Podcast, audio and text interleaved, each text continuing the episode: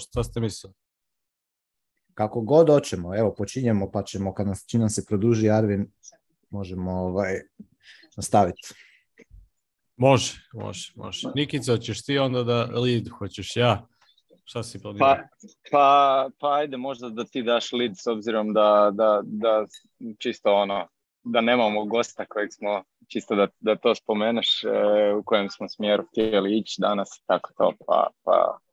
Da, Ovaj, obzirom da je svaki naš podcast detaljno isplaniran sa svakom agendom i da mi mnogo razmišljamo o tome šta ćemo da pričamo, ovaj naš će biti malo drugačiji. Danas je trebalo da nam se pridruži uh, Arvin, jedan od OG-eva uh, Bitcoina u Srbiji i trebalo je da pričamo o nekim temama cyberpunka, kriptografiji i osnovama Bitcoina i vidjet ćemo ako nam se Arvin u toku kola bude pridružio, onda ćemo nastaviti o, tim temama, a ovako ćemo možda neki free fall malo da nas trojica, evo da se ispričamo, da vidimo šta, šta je bilo možda novo ove nedelje. Nije bilo baš nešto previše vesti, moram da priznam jedno od dosadnijih nedelja, a imali smo jedno dve, tri baš paklene sa vestima. Možda smo i naviknuti da, da su sad sve vesti onako mora nešto, neka drama da bude.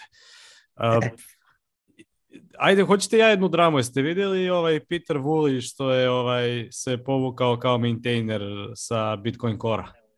E, vidio sam to, vidio sam to. Što je to drama neka? Ajde, ja nisam ako... mislio da je drama.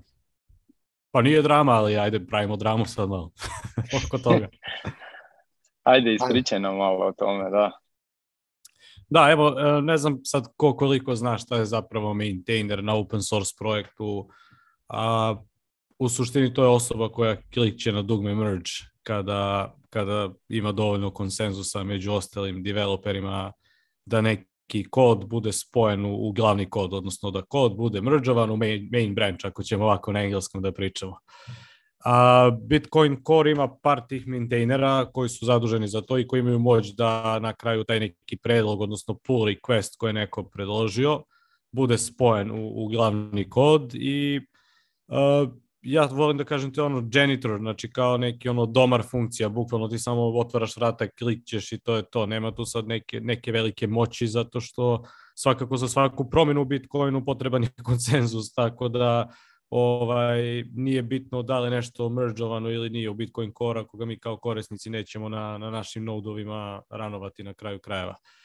E sad, Peter Wool je jedan od ono najpoznatijih Bitcoin uh, kontributora dugogodišnji stvarno ono kriptograf, e, matematičar i jedan od onako rekao, ja bih rekao možda i najrespektabilnijih ljudi u ovom pro, novom prostoru našem, pošto stvarno kada ono gledaš nikad nije imao neku dramu iza sebe, čak ima i onaj sajt Fun Facts o Peter Wooleyu, znači on ima ono fanove bukvalno ovaj, koji slave to, tu njegovu genijalnost uh, koju on to smišlja uh, preko kriptografije i koda.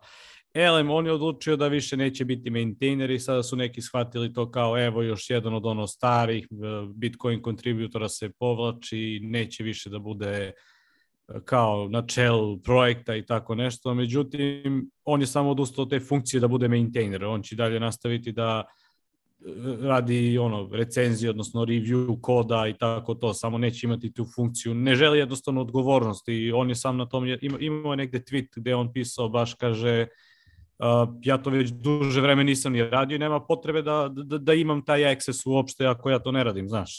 To je neki njegov izgovor sada, mislim izgovor, objašnjenje, objašnjenje te cele situacije.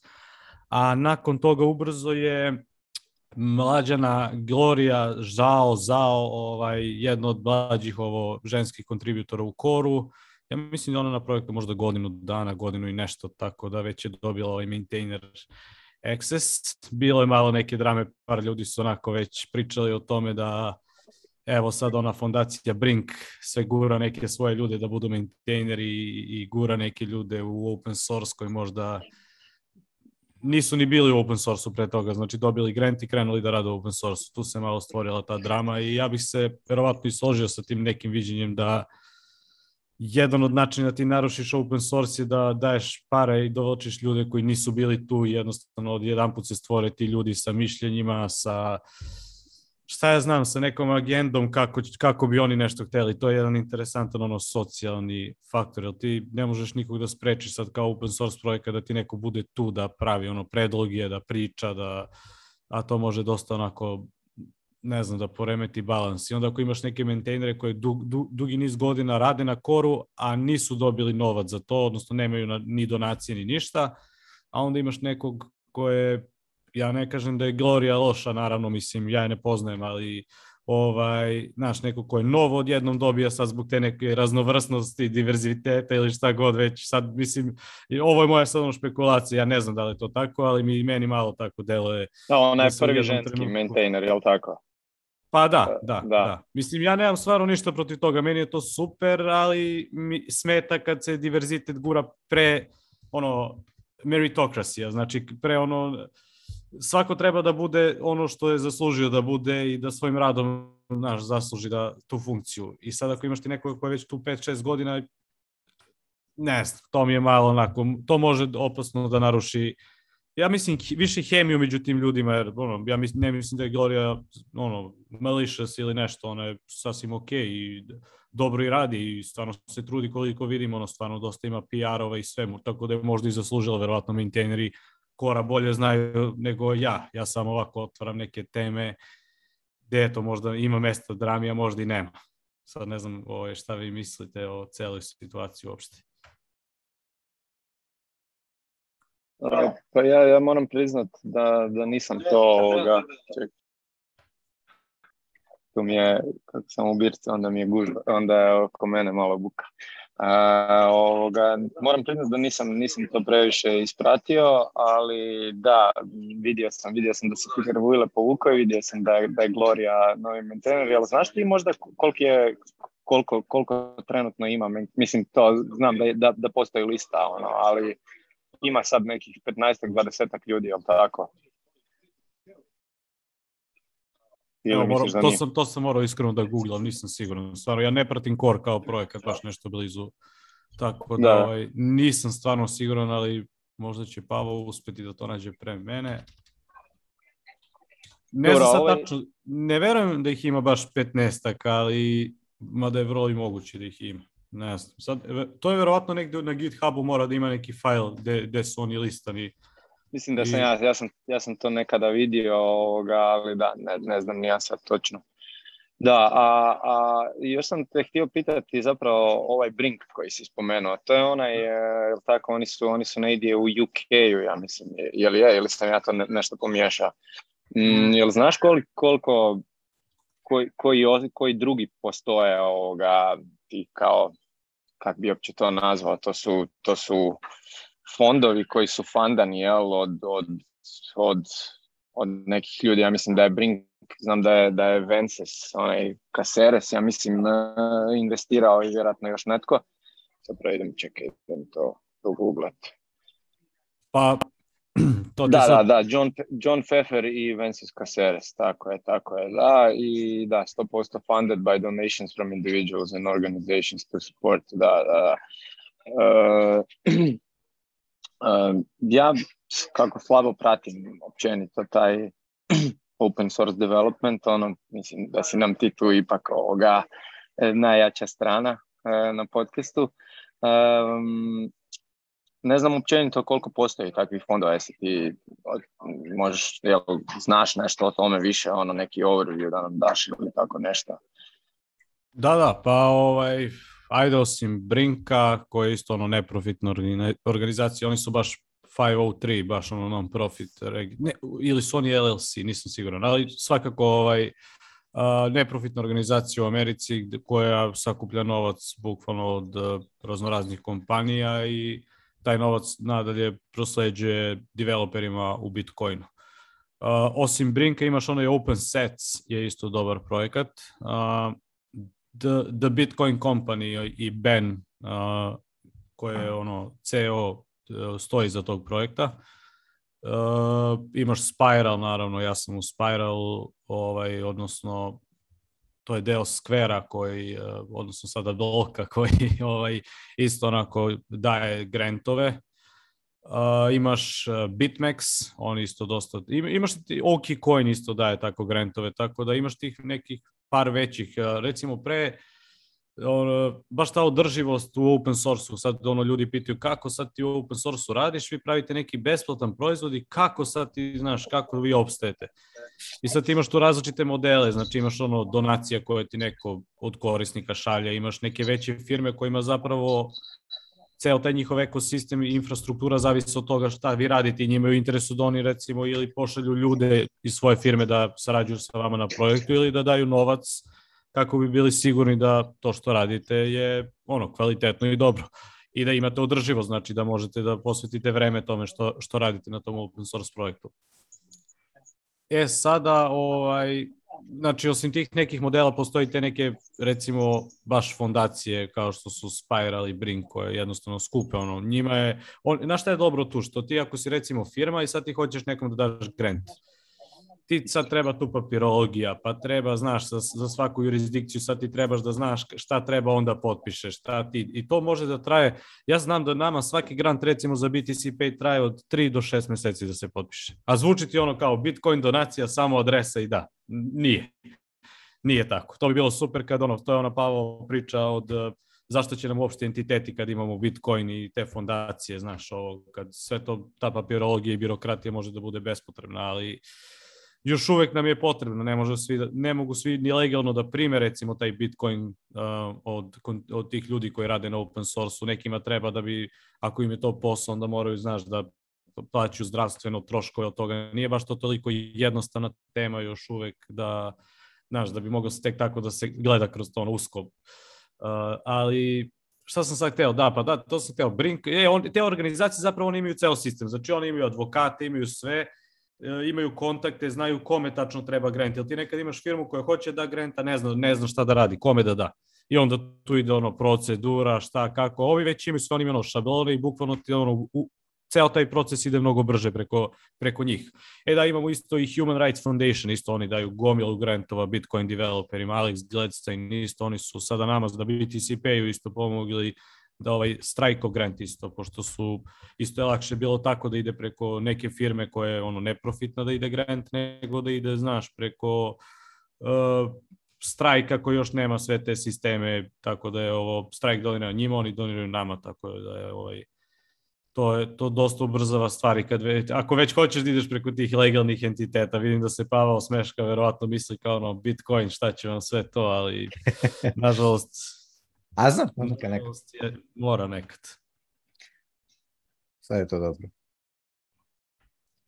Da, da. Tako da su to par nekih. Sa, ja, ej, da, teo sam, počeo sam pričati, sad sam ja mnogo krenuo da davim danas, ali ovaj, evo, samo ono brzo, pre pet godina bukvalno si imao samo dva, tri ili možda pet ljudi iz Bitcoin Cora koji su dobili funding za Bitcoin development i možda još, ne znam sad, ajde neka budeš deset, desetak ljudi, ali mislim da je to velika brojka. Znači, pre pet godina kada sam ja krenuo open source, bukvalno nisi imao ljude koji su bili ono, plaćeni za to, svi su imali neke svoje dodatne poslove i ovo. I onda je, mislim da i BTC Pay zapravo i Spiral, odnosno tada Square Crypto su i pokrenuli tu foru da pošto smo mi baš bili ono njihov prvi grand team, mi smo jedni od tih ono koji su pokrenuli to da malo i drugi open source projekti, nije samo sve core, znaš, imaš ti mnogo projekata koji grade na Bitcoinu, koji zaslužuju funding i mislim da je danas mnogo lakše nego što je bilo. Ti imaš toliko organizacija, toliko kompanija koje žele stvarno da, da pomognu ekosistemu i stvarno je to sve mnogo lakše. Ono što tebi treba jednostavno, ne može, vrlo redko ćeš ti sad, ja sam, ne znam, programer, ja sam radio u Google, ja hoću da radim open source, dajte mi pare.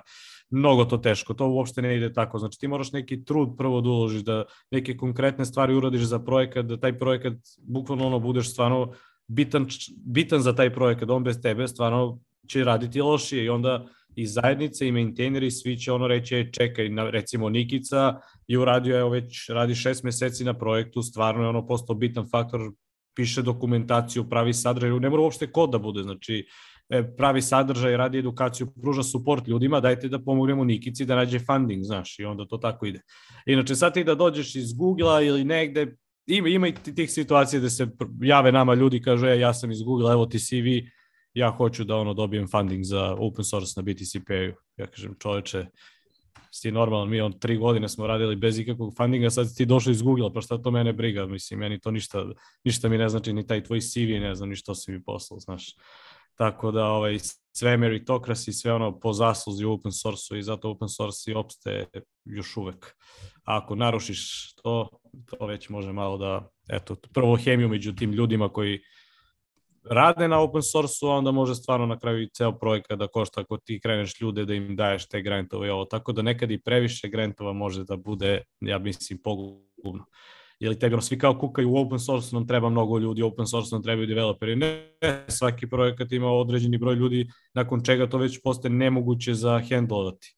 Znači ti ako imaš 200, evo, uđeš na core i odeš na njihov pull request i issues i ono je haos. On, ono je haos, znači ti imaš non stop issue, non stop neko nešto menja, hoće da menja i to je stvarno teško iskoordinisati. I meni neko u nekom trenutku rekao kao zašto ti ne, odeš na core pa da im pomogneš malo sa PM-om, ali meni taj stres u životu ne treba, znači previše je to kaotično za mene da bih se ja tu snašao. Tako da eto, ja završavam svoj rent. Nam se nisam malo preterao, ali... Ne, da pač, meni je, znači. meni je uvijek zanimljivo, s obzirom da ono, nemam doticaj s tim, uvijek zanimljivo čuti i onako zapravo ono, pretpostavljam da i većina ljudi koji ovo sluša nema baš neki preveliki doticaja s open source i onako djeluje puno zdravije nego neki ono korporativno okruženje, ono, kako, kako si ti rekao, ono, na, na temelju nekakvog tog rada kontinuiranog kroz, kroz vrijeme na nekom projektu, ono ti u principu uh, budeš nagrađen ili tako nešto, tako da ono, uh, djeluje zdravije i održivije. Ono. E, a znaš Pavle da sam ti u ponedjeljak uletio ko padobranac na ovaj Bitcoin Design Jam Session. Na call. Jesi? Da, i pitao me ovaj, ja ne znam točno, kao, ne sjećam točno ko, ali on pita kao, šta, ja mislio kao Pavle, do Pavlenek došao, ne, ne, ne, Pavlenek je good friend. kao da samo slušat malo, pol, tako da, Da, ali video si da su ono, svi pozivi su otvoreni, može bukvalno koliko Je, je, možeš, možeš doći. Mislim, dobro, ja sam uletio, nisam ni baš ni, ni, ni, ni znao kontekst šta je, di su oni su već bili u sredini neka, ovoga, nekakav uh, payment flow su radili, ono kao, mislim, jako je to interesantno, jer u biti ti, kako bi rekao, uh, u open source ti i možeš, ti imaš zapravo vremena za, za sve, ajmo reći, dobro, dobro uh, kako bi rekao, raspraviti, vidjeti, istražiti sa svih strana i, i nigde te nema, nema tog pritiska da moraš nešto rilisat jer, eto, moraš rilisat jer moraš. Tako da možeš zapravo dosta, dosta, dosta dobro razviti rješenje, tako da je to super. I nema, da, ono, otvoreno, možeš doći, možeš otići. Tako da, dobro, dobro je to stvar. Treba se, treba se toga uvatiti. Ok, znači znamo ko je sledeći Bitcoin design contributor. Ovaj. pa da, mislim, vidio sam da su otvorili Jonathan ovaj Slack i vidim da rade sada za ovaj fedimint.org tu stranicu. To je, mene, to je recimo nešto mene dosta jako interesira kako će to izgledat, taj Federated Shomian Banks. To bi ja, to je nekako mi se čini da je ono, moj interes ono pokriva je dosta jako. A stranica je trenutno onako dosta bazična, nema, mislim, fedimint.org, Fedmin, da, Fedmin. Možeš ispričati malo o tom Fedmintu, ono, pretpostavljam da Mislim, najjednostavnija ideja je, ono, da, to je, to je to je ideja i, teh, i tehnološka i ajmo reći uh, riješiti privatnost i skalabilnost uh, Bitcoina jer jer ono, jer čak i, ono, mi nećemo, ne, nikad nećemo imati situaciju da svih, ne znam, 8 milijardi ljudi na svijetu koristi non-custodial Bitcoin on-chain, nema šanse, nikako, niti Lightning, neće moći svi imati ono, Lightning channel otvorene i, ono, i, i to menadžat. I ti ćeš opet morati imati jednu vrstu ono, a, agregiranja više transakcija u, u čak i recimo da nas, na primjer, 100 uh, na primjer, koristi jedan Lightning channel. Ne? Uh, međusobno mi možemo tradat se, slat, primat bitcoine i onda, ajmo reći, setlat transakciju sa drugim Lightning channelom i onda ti veći Lightning channeli setlaju transakcije on-chain. to će tako otprilike dugoročno izgledati ono skaliranje, skaliranje Bitcoina custodial i non-custodial i miks između custodial i non-custodial. A recimo ovaj Fedimint je nešto što je uh, ono uh, privatno skroz. I recimo da mi imamo ajmo reći na primjer Binance. Ne znam jeste čuli, ali to je na primjer u Venezueli uh, gdje ono, onaj njihov bolivar je ono, u hiperinflaciji, to je preko 100 i nešto posto godišnje inflacija. tamo je penetracija Bitcoina i svih drugih shitcoina i stablecoinova je tako jako velika, i, ali ne znam koliko je, koliko, koliko ljudi znaju za to, ali recimo u Venezueli je Binance zapravo najveći ono payment, payment provider. Ljudi jednostavno naprave Binance account i onda mogu primiti poslat šta god, i stablecoinove, i bitcoin, i ethereum, i shitcoine, i nemam pojma šta. I ovaj, a najlakše im je intra Binance uh, slanje napraviti. Znači, sa jednog akaunta Binance na drugi. I to je instantno i free. Te transakcije su instantne i free. E sad, ali problem s tim je, mislim, naravno problem s tim je to što M je, nije censorship resistant i nije, ovaj, nije privatno. Binance ima track svih tih transakcija, a, a Fed, Fedimint bi recimo bio ajmo reći skupin, imaš grupu ljudi koja, koja održava taj tu federaciju, odnosno taj, tu banku. Naprimjer, da ja sad tu na rabu nas, ne znam, deset otvori kao tu nekakvu fed, fe, uh, Federated Shomian Bank ili Mint, kako hoćeš to nazvat, i svi koji su na rabu imaju ono account unutra i mogu slati jedni drugima privatno da se zapravo ne vidi taj, taj, to, to slanje, ne vide se ni iznosi, ni ništa, samo se zna koliko je, koliko je ukupno bitcoina unutar, unutar te, te, te banke i oni se šalju jedan drugima a, privatno. A, a ta banka, ajmo reći RAB banka, može biti povezana sa, ne znam, Zagreb bankom, Rijeka bankom, ili koliko će, kako će se već ono razvit, koliko će te banke biti velike. Možda će biti velike kao ono, number number, 150 puta 150, ono, 150 eh, puta 150 2500, to smo, to smo ovaj, baš sam shvatio, malo smo to pričali, koliko bi moglo tih nekakvih malih mintova biti uh, distribuirano po svijetu. Ali fora je u tome šta, šta je to ono, ja to ćemo, mislim, možda Arvin će nešto znati puno više zapravo o tome, to su još ovi cypherpunkovi prije. Shomian i Cash je bio ono, uh, ideja da ti uh, da ti možeš poslati privatno e, token, ne, vrijednost i onda ne, ono, ne, ne može znati niko koliko je koliko je ovaj koliko je poslano i tako. Tako da sada to, to se razvija, ajmo reći, na, na Bitcoinu i te, ti Federated Shomian Mints bi bili međusobno povezani uh, unutar Lightning networka jel? i međusobno bi sebi, sebe setlali ono, na Lightningu, a onda bi Lightning LSP, Lightning Service Provider bi se međusobno setlali na, na on-chainu. Tako je nekakva ono, otprilike koliko sam shvatio za, za u budućnosti način skaliranja Bitcoina na potpuno privat, znači to je, to je pak ono, privacy, ne, ne postoji ništa privatnije od toga. Ti jednostavno, ti kad si unutar tog uh, jednog Shomian Mint, ti ne vidiš ti samo znaš da taj mint recimo ima 10 bitcoina ono, balance, ne?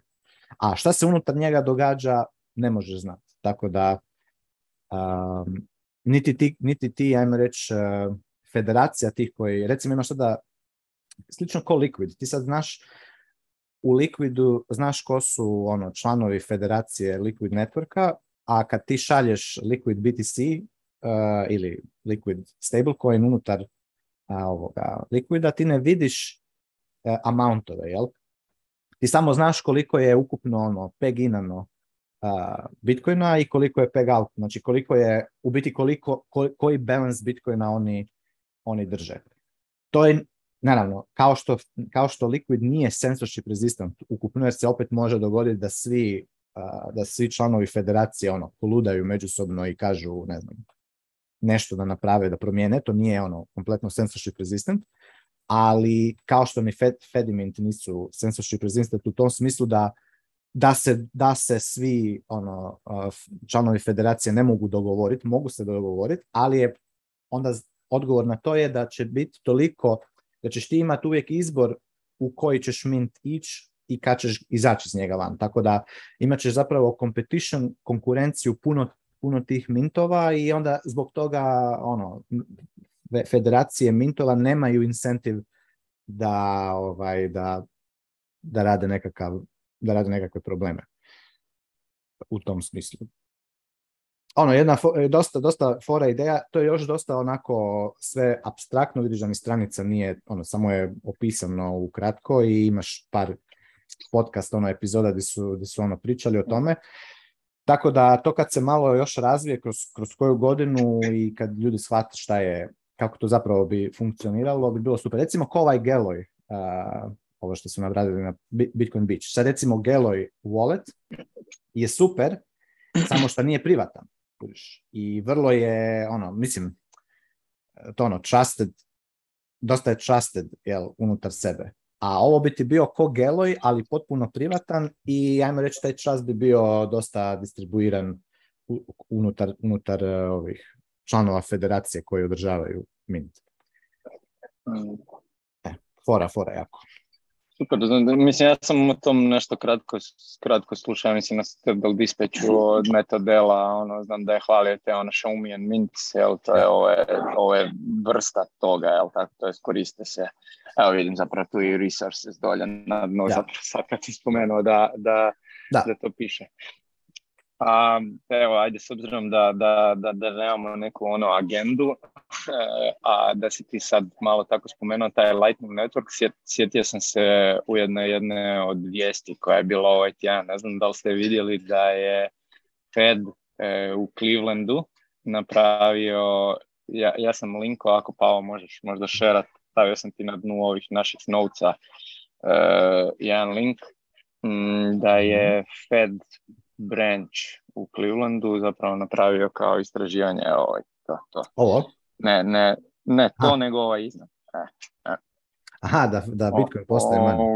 Da, da, ono, oni su u principu se bacili u istraživanje, što je vrlo zanimljivo, zato što ja sam na jednom, ne znam, prije 3-4 podcasta, ja mislim, spomenuo ono prvi put da je da je u nekom researchu ovoga od Feda se, se spomenuo Bitcoin, to je bilo vezano za one, one gluposti, neka ono, e, da li su jaja ili Bitcoin više stabilni s obzirom na inflaciju, uglavnom ono, neka potpuno, ne, potpuno nebuloza i skroz fulana tema. Sad imamo tu znači njihovu podružnicu u Clevelandu koja je, koji su napravili dosta dobro istraživanje u Lightning. Uh, fora je read, uh, ovoga, nisam detaljno ušao, to više sam proletio, ali uglavnom oni su došli ono do zaključka da je Lightning Network e, super, da je adopcija Lightning Network super za, za Bitcoin, da je došlo do uh, smanjenja fijeva na, na, i, i općenito čišćeg mempula i uz, uz, to su rekli da je i, i Segwit, što znači da su ono općenito ono dosta, dosta duboko u toj temi da je i Segwit pomogao tome uh, kao i Lightning Network. I, i, i zapravo neki ono glavni zaključak svega toga je da Lightning Network čini Bitcoin novcem. Jer e, to je onaj, ono, kak, kak Satoshi u white paperu je napisao da je Bitcoin ono peer-to-peer electronic cash i, i, i onda često u bear marketu se povlače te teme da Bitcoin ne služi toj svrsi i ove godine sam čak mogao ono, nedavno je bilo nekakvih debata na Twitteru da zapravo Bitcoin ne služi kao cash jer niko ne radi s njim transakcije i to, e, nego više kao store value i onda ovoga mm, je zanimljivo ovako vidjeti od, od, od Feda report da, da Lightning ne pomaže pri tome. I, i ne znam, na, na temelju te teme je zapravo i Roger Ver pokrenuo kao Big Cash i, i, cijele, i, i, i, i cijela ta drama se razvila.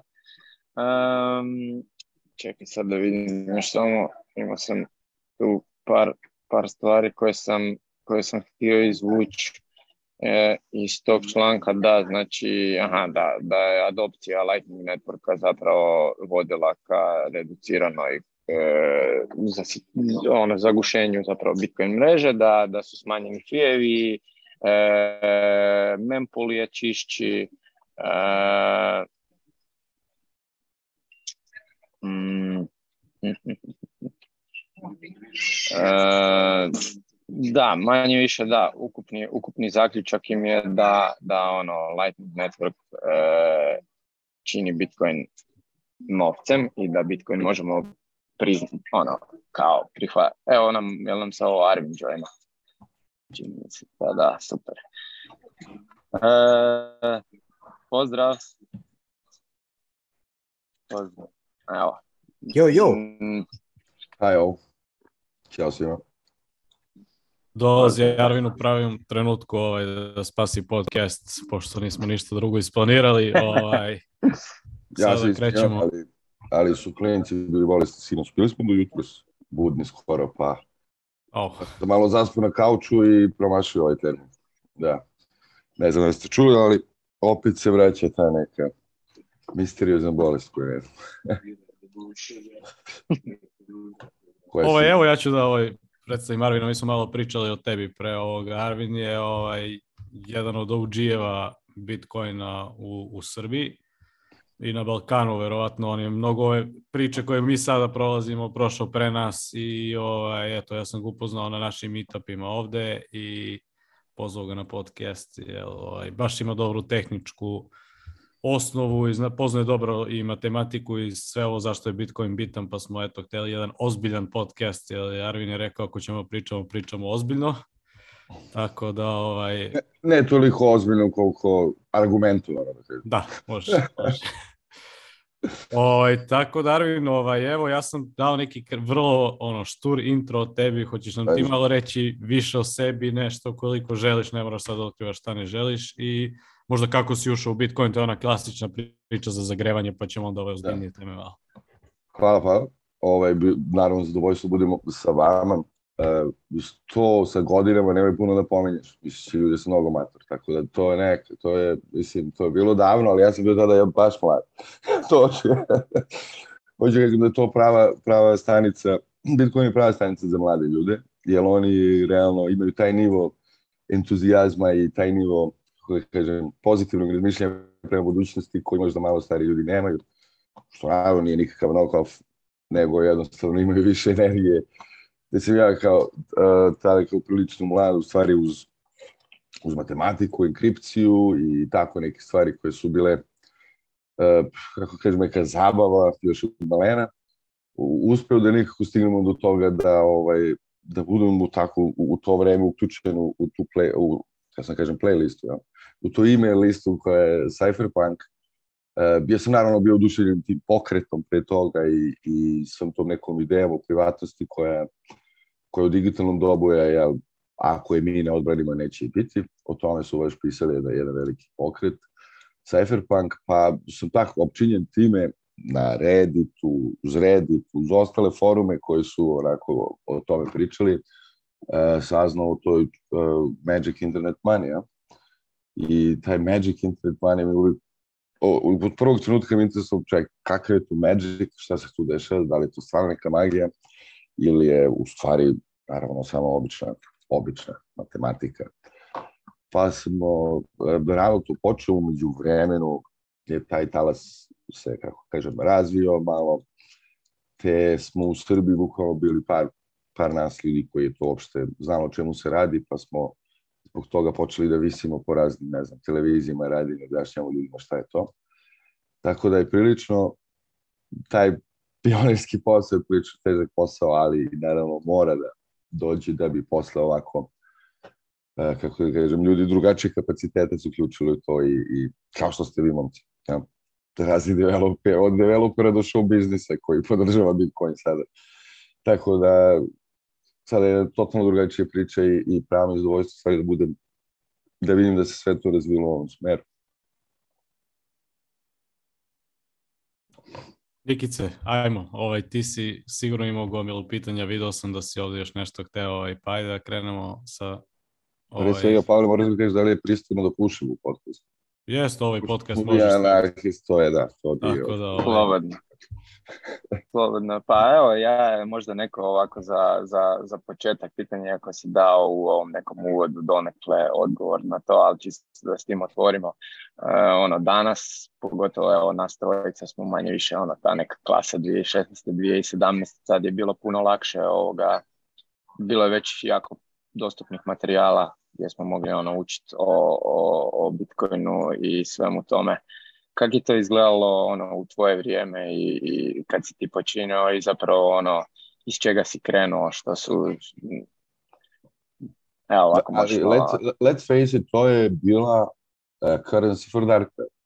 Bitcoin je zaista svu svoju snagu, upotrebljivost i sve ono što ga krasi danas, censorship resistance, šta god hoćemo da kažemo, to je sve pokazao, kako kažem, na delu, kroz Darknet, Dark Web i uh, i zaista to je pomoglo puno Bitcoinu da, ovaj, kako kažem, dokaže taj use case da jednostavno it's unhackable shit. Da, it's like, ok, you can attack it, možda napada, možda probaju, da, ali jednostavno se na tom jednom teškom delu, da kažem, pokazalo koliko je u stvari funkcionalno, koliko je u stvari efikasna ta, ta, o, evo, ta vrsta lanca blokova.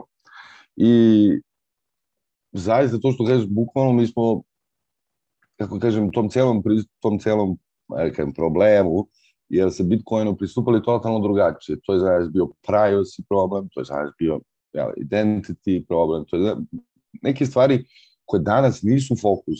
Naravno, danas je to finansijski aset i njime se bave, ne znam, BlackRock ili kompanije sa berze ili, ili tako neka, kažem, totalno drugačija klijentela tada, na samim početcima, ne znam, Angoksa, ovo, to je zaista bilo, uh, obs, ne mislim, obskurna. Bila valuta koja je se najviše koristila na dan. Te smo i mi zaista, ono, zbog toga i imali, zbog toga i koristili, taj kupimo neku majicu na Darknetu ili da kupimo ne, nešto tako što, što tada nije ulazilo ovaj, u tadašnju Srbiju i Jugoslaviju. Danas, kaže, možda je ta aura Bitcoina jel malo, naravno, otklonjena, jel, da je to nekakav novac za Darknet, ali tada, na samim početcima, mi smo zaista to koristili Darknetu, e, mi smo, kako kažem, zaista imali taj use case ovaj, da Bitcoin radi, a na kraju krajeva i to je dovelo, taj usability dovelo do toga da posle, ne znam, 16. ili 17. Uh, ne znam, mnogi finansijski, evo, veliki deo finansijskog sektora pogleda u Bitcoin i kaže, čekaj, to ovo radi, mislim, ovo, ovi ljudi pokušavaju da obore 7, 8, 6, 7 godina da hakuju obore ili nešto i jevi ga, radi. Te toga, ta, kako kažem, ta uspešnost ovaj, se prenela dalje. Tako da ne verujem, ne, ne bi trebao Bitcoin da beže od svojih korena, da je zaista svoju prvu praktičnost pokazao na, na Darknetu. Je misliš da je danas uh, privatnost i taj use case bolji ili lošiji nego tad kada je Bitcoin počinjao? Pa, uopšte stanje, u, mm. uh, tako da kažem, na, na polju tehnologije je mnogo lošije danas. Zaista ovo zvuči sad malo bez veze, jer na, naravno tehnologija je razvijenija puno, ali ovde ne mislim samo na Bitcoin tehnologiju, naravno mislim na techno giante kao El Amazon i ostale, te su oni u poslednjih 10 11 godina, tako kažem, zauzeli jedan kurs koji je zbog, ko, zbog kojeg je upravo Bitcoin nastao. Mislim, koji kao, kako kažem, bori se protiv toga. Ali danas bih rekao da je stanje u tehnologiji ili na tom polju mnogo, mnogo gore nego tada. Kao što znao, tada su jednostavno postojali sistemi ili, da kažem, eh, ajde da kažem, manji sistemi, kompjuteri na kraju krajeva, koje si mogao zaista da nekako zaštitiš. Današnji, današnja, kažem, internet je skoro 90% over the top, jo? to znamo, to su over the top servisi, to nije zaista internet, današnji internet. I mi smo se polako odvukli od tog iskonskog interneta na otvorenim osnovama, free and open source internet, ja, koji je, uh, koji je postavljen na protokolima koji su free and open source. Budemo iskreni, PGP, IPv6 i svi ostali, to su sve open, otvoreni protokoli. Danas, su velike tehnološke kompanije bukvalno napravile jedan mehur u kojem nas drže i ne dolazimo uopšte do interneta samo. I uopšte više ne želimo se bavimo internetom sami. Tada je bilo mnogo veće, da kažem, entuzijazam da internet napravimo takvim ka, kao kakvi bi želeli, slobodni, ne? I tada su bili interesantni, čuli ste naravno Barlow, Independence of Cyberspace i tako neke stvari, ljudi su imali mnogo više duha iskreno nego danas. Danas su prilike prodali sav taj duh za, za, za par automatskih loginova, znaš, kao da, e, sad kao ja, da uzmem i ovaj uređaj i da se, da usto budem logovan.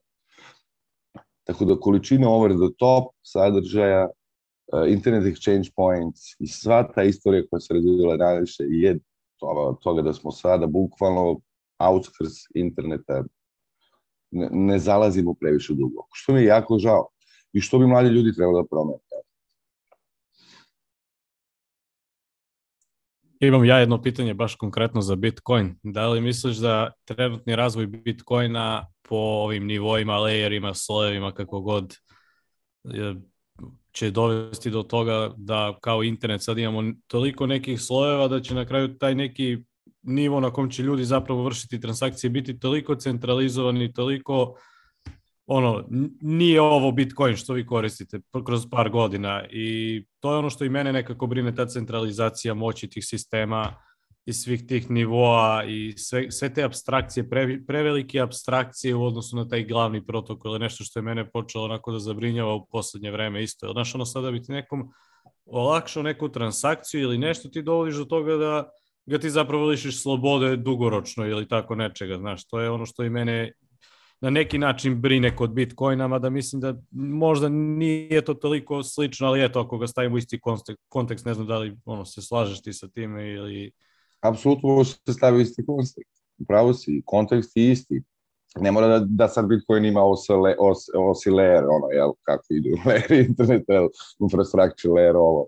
Hoću da kažem, ali moramo da znamo da je konformizam zaista stvar na koju smo se previše navikli iskreno sada. Mi sada ne želimo nešto što nije konforno za upotrebu.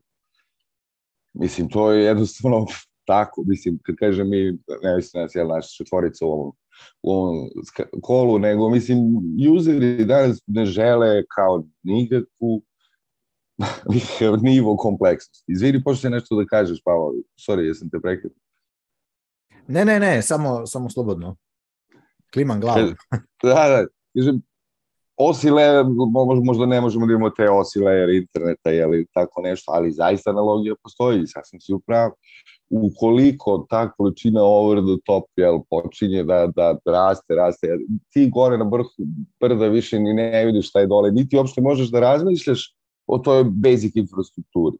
Čak se ponašaš prema njoj ovako kao što se ponašaju ovi blockchain bros sada govoreći to je Web 3.0. To je Web 1.0 to je to decentralizovano udruženje ili tako, to je osnovni postulat interneta. Znači, to nije nikakav novi internet. To je osnovna stvar.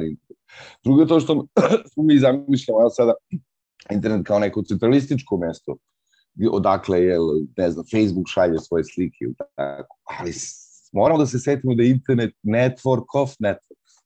Znači, to nije jedan, nego network of networks. Jednostavno, napravljeni na mnogo širem modelu, te glupo koristiti samo jedan njegov uski deo, jel, ili ne znam, da kažem, ono, interfejs koji će da nam, ne znam, Ledger predstavi, ili bilo ko, mislim, da kažem, ili level, level 2, level 3, level 4.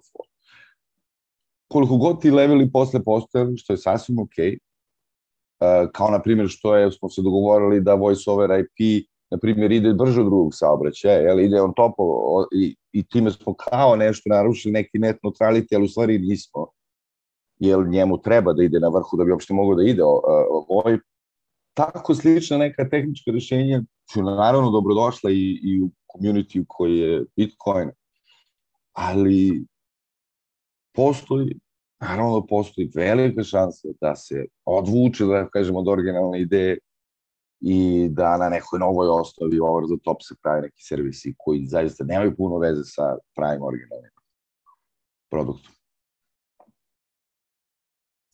Da, to je ono što što sam baš onako, ja razmišljao nešto recimo u poslednje vreme, tako da, ovaj, da, vidim. Da li mislite da će to desiti? Da li mislite da će otići u neku kompleksnost? Pa, To su ja mislim da već idemo, mislim, sada već ono, znaš, ajde ovaj layer tu nam je potreban da bismo mogli da vršimo plaćanje, ali sada eh, ovo što prave tokene na, na, na Lightningu, pa onda Taro, pa ti neki protokoli na Lightningu, pa će to biti tokeni na, ne znam, meni je to sve onako, ko je zapravo use case toga, šta je to i čime će ljudi zapravo i vršiti transakcije, da li će to biti stvarno Bitcoin ili će to biti neki nivo tamo, ne znam ja koji, i da onda ti, znaš, imaš poverenje u tog nekog, da to što ti vrši te transakcije su zapravo Bitcoin. Ne, ne znam, to me ono Sve, jedino brin. Apsolutno. Ali da se podsjetimo da je jedan od prvih protokola ikada nastoje peer-to-peer protokol. Osnova, je li tako, cijeli, jel, to je Mati Postel i ostali, ovaj, jel, 78. godina, otprilike, ja mislim, jel, ili 77. Ne, nemojte da ćete reći, treba otići na sajt IETF-a, pogledati. Ali, hoću da kažem, peer-to-peer je u stvari fucking osnova svega. I mi ga danas koristimo i govorimo o tome kao nešto što je wow, neki jel, vrhunska tehnologija koja je nastala na internetu, ne, obrat. Znači, sve ostalo je nastalo na jednoj ovako jednostavnoj premisi da moj tvoj komp mogu se povežu nekakvim protokolom. I u stvari premise, osnovne premise su uvek mnogo jednostavnije i naravno ljudi su posle kreativni prave svašta na, tome, ali te osnovne premise možda treba da sačuvamo, treba da sačuvamo free and open internet, trebamo da sačuvamo free and open code za Bitcoin, trebamo da te neke stvari koje su zaista već dokazano dobro rade, trebali bi ipak učuvati tu suštinu, naravno praviti od ozgo i industrija rasti, to, to, to niko ne može da, niko ne može da zadrži nekoga da pokuša da pravi pare, ali treba zadržati taj izvorni nivo koji je, kako kažem, ipak, zbog kojeg ipak možemo sve ovo što danas možemo. Da, spomenuo si ono da je zapravo konformizam, ja se slažem da je to ono zapravo osnovni, osnovni problem i ono što danas je sve dostupno ono na jedan klik, ono mobitel otključavaš Face ID-em ili nekim ono fingerprintom gdje, gdje u principu ono, daješ sve više i više nekakvih svojih podataka nekoj kompaniji koja onda to ono, može kasnije zlorabljati da bi, da bi imao neku ono jednostavnost. Uh, meni se nekako čini da smo možda već otišli predaleko i da, da, da ćemo užasno teško to nekako vratiti na, na te osnove, da ljudi budu, da, da im bude stalo do privatnosti ili tako nešto. Dijeliš li ti to mišljenje i što misliš u principu da bi se trebalo promijeniti? Da, da, jer ono, gledam, ono, pričam, imam dosta prijatelja naravno koji ono, su no coineri ili tako nešto i onda ono, često kad pričamo o Bitcoinu, ono, spominjem te neke, ono, znači možeš sam self-custodijat uh, svoj asset, što nije moguće bilo nikad, uh, ono, uh, nikad prije, uh, ta nekakva privatnost ili tako nešto, i onda shvaćam da zapravo njima to uopće nije bitno, ono, većina ljudi dalje želi koristiti banke, vjeruju bankama, to im je jednostavnije, ono, user experience, user interface je puno bolji kod svih tih aplikacija, i, i, i to je ovako sa, sa onom nekim, ajmo reći, mojim ono, vršnjacima ili tako nešto, tako da ono, pretpostavljam da je, da je današnjim klincima koji su ono 15-20 godina mlađi, mlađi od mene, to još, još ono ukorijenjeno, još više ukorijenjeno nego njima, pa nije baš točno, nisam siguran da li to možemo promijeniti, evo pa čisto ako neki komentar o tome. Ja neću da zvučim fatalistički kao, ne znam, Sande ili ostali, jel, koji su već pali u, u da je sve izgubljeno i da borba je izgubljena. Ja ću opet da napomenem da je danas 2022. godina, a da je BGP Open protokol. Velika je stvar što smo uopšte do ovog momenta došli sa free slobodnim internetom. I bukvalno smo se borili za to u svaku, na svakom forumu Jedinih nacija i na, na, na svakom tehnološkom na svakom ITU forumu, na svakom forumu IETF-a, IEEE-a. Svugde, svugde postoji jedna nova generacija koja tome razmišlja. To je nezumljivo. Međutim, konformizam, kao što sam kažeš, mislim, to je deo čoveka, zaista je teško, pa i sam ti znaš, znaš, kao prolaziš stalno kroz ova vrata, nećeš da ideš okolo 3 metra, iako je možda tamo nešto lepše, ali mislim, lakše ti, ti si navikao i ti si ja. Ali to uopšte ne mora da znači da, kažem, ljudi koji prave proizvode koji, se, koji, koji ćemo koristiti online, ne moraju da razmišljaju jel, o, o privatnosti i tome. E, to nije taj često čujemo privacy on design, jel, kao neki, neki način rešenja, da kao, jel, sad imamo IoT devices gde neće biti password 1, 2, 3, nego ćemo, jel, to svi znati, imati svest o passwordima, zaključavanje, to se neće desiti, neće, neće ljudi imati svest o svojoj privatnosti. Jednostavno neće, ali upravo ono što su i Cypherpunk kao pokret, oni kažu, ne zboli kurac, neko mora da piše taj kod. Naravno da taj komšija ne razume zašto treba ta jedna privatnost, ali nije na njemu ni da razume iskreno. Mislim, on je samo konformistički korisnik tog servisa, ništa više. Ali developeri moraju to da razume. Moraju to da znaju, moraju to da shvate. Znači, ljudi koji prave proizvode na internetu, moraju to da shvate. To neće shvatiti, ne znam, moja teta. Neće. Mislim, ne, nemaju taj osjećaj. A naročito u ovim našim postkomunističkim društvima, gde mi imamo ono, lične karte, jedinstvene matične broje. Mislim, bukvalno je totalno, totalno smo ono, kontrolisane strane države, nama to ne predstavlja nikakav problem, zaista. Mislim, mi ne vidimo u tome neku vrstu jel, problema. Međutim, nisu sva društva kao naše, jel, postkomunističko. I broj dva, to je pitanje developera. To je pitanje industrije koje radi iza. Ja ne možeš mi reći da industrija koja bi, ne znam, ili deo industrije koja bi promovisao privatnost, bezbednost, takvu stvar ne bi imao svoju nišu, imao bi veliku nišu i takve vrste proizvoda bi možda polako počela da preuzima tržište. Tako da hoću da kažem da je veća odgovornost na ljudima koji prave stvari, nego na ljudima koji koriste, zaista, mislim, to je ono, e, možda je grupa age, ono, 60, 70, oni neće, ne žele ništa promene, ja? I, i to meni više zabrinjava ta vrsta predaje infrastrukture i predaje, tako da kažem, opšte svega, ono, infrastrukture. Znači kao, ok, jebi, Facebook ima bolje content delivery, ne znam, volim me kurac, idem preko njih. Ti kao developeru to tako ne bi trebalo da radiš. To je, to je stvari, jer svaku industriju vode ljudi koji je prave. Ne vode je korisnici.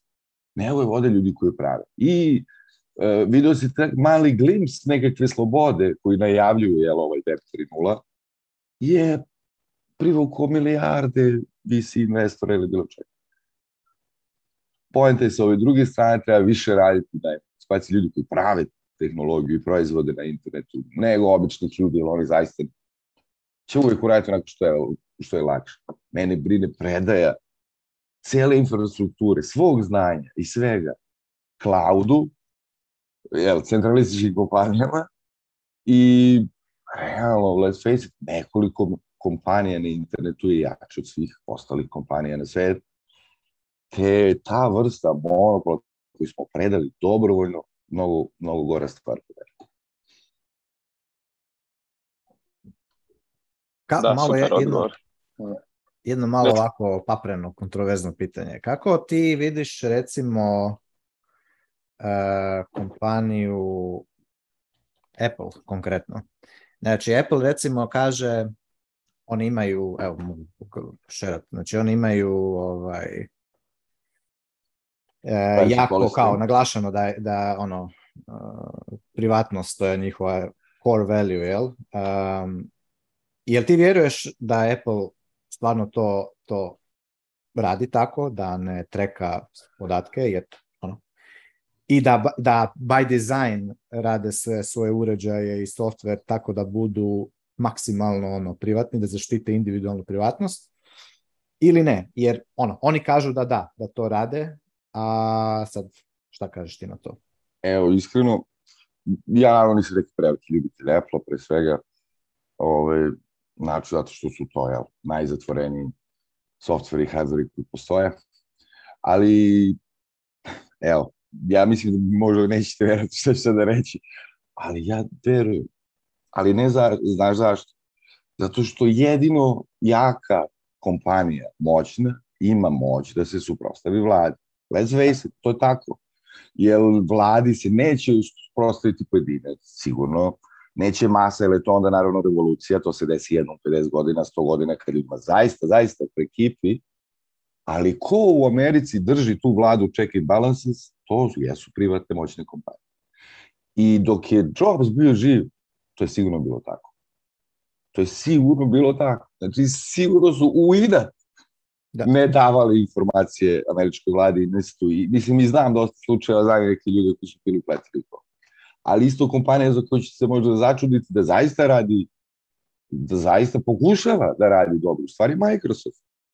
I to, znači, ljudi često kao prevrno očima, jao, strašno. Ali, kažemo opet, ja nisam fan ni jedan kompanije, naročito ne Apple.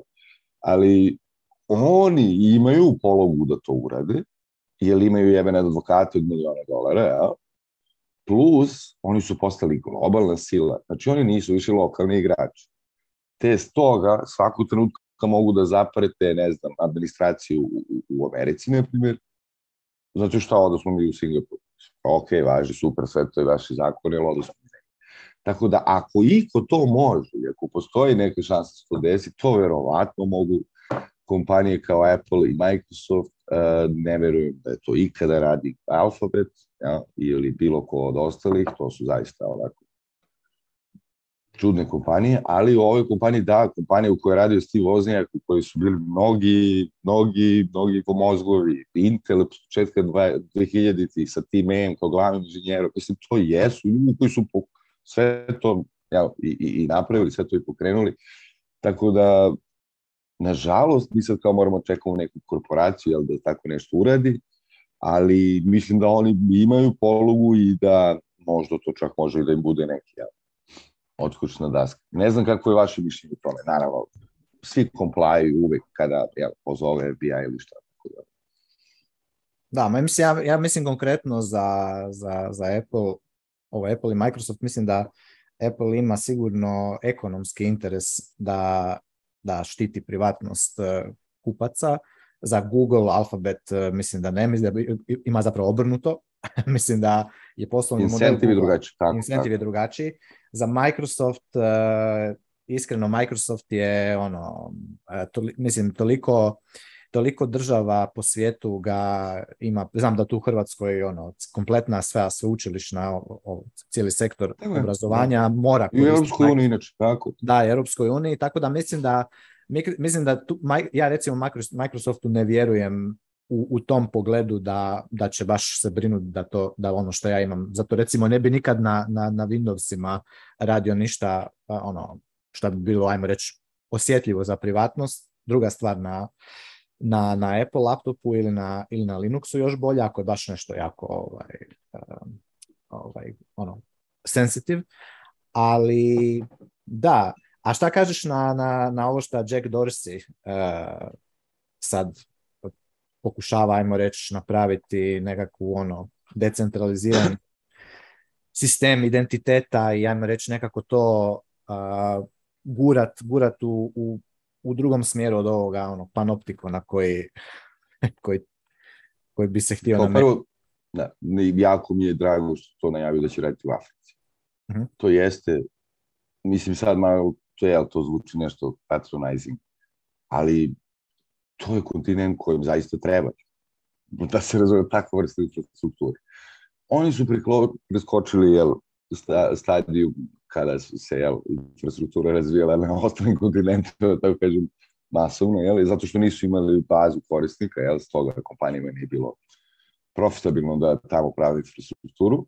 Sada se to puno promenilo, znate i sami da je prosek godina u Africi 18 godina, znači cijelo stanovništva, jel, da su oni u, proseku tek, tek punoletni.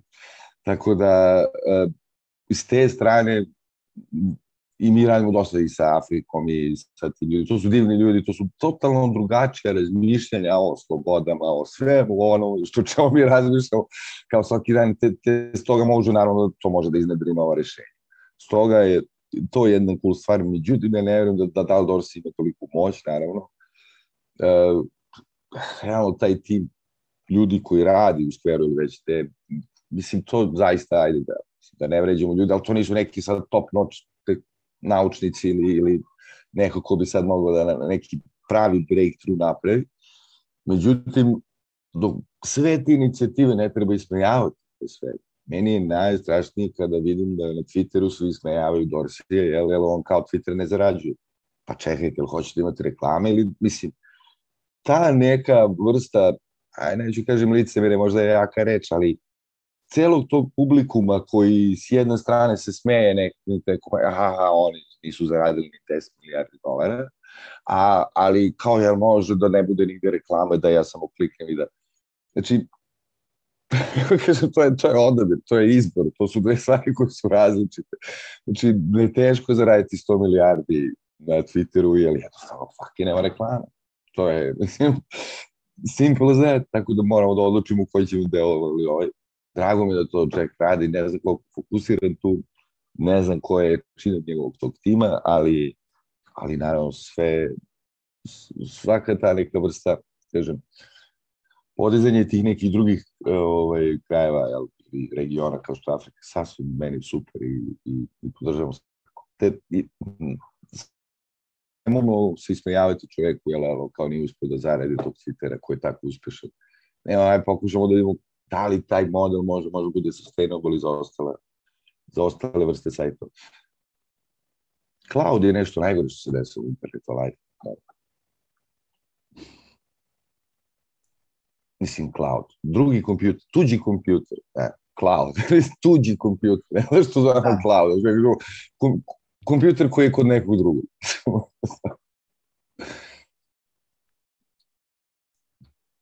oh, da, da, dobro, mislim, ljudi, da, misle da ovaj je cloud je negde nešto Do, dobra ipak stvar je dobro, mislim, ajde, ja onako uvijek, uvijek imam taj malo optimistični bias možda. Apsolutno. Danas je, dobro, je, e, ljudi, ljudi recimo koriste cloud, ja znam dosta ljudi recimo koji ono svoje fotografije, ono obiteljske i to pa stave na, ne znam, na Google uh, Drive i to. A, pa nisu svjesni nekad da, mislim, dobro, ni, ono, makar nekakvu enkripciju napraviti ili, ili to nekako ovaj, uh, zaštititi da ako i neko do, dohvati pa da, da ne može samo tako otvoriti. Da, ne znam. Da, teško, nije, teško je to. Again, again, user nije tu nikad kriv. Korisnik da. zaista je redko kad kriv, jer mislimo ne, ne, ne poznaje šta se dešava iza kao prvo. A kamoli zaista arhitekturu ili kako to može drugačije da se napravi. Ali, u takvoj vrsti slučajeva, ja ne govorim zaista o skladištenju na cloudu, Ja govorim o virtualizaciji koja je na cloudu. Ja govorim o celom jednom internetu koji je na cloudu. U stvari, koji, ja govorim o tome da više ljudi ne znaju osnovne, jel, protko ne znaju da naveste jel, dva servera, jel je to virtualno sada u cloudu na kliku dugme. O, govorim opet o ovim ljudima koji prave stvari, ne ljudima koji koriste stvari, jel oni su samo potrošači i normalno je da, da, da žele nešto što je jednostavno.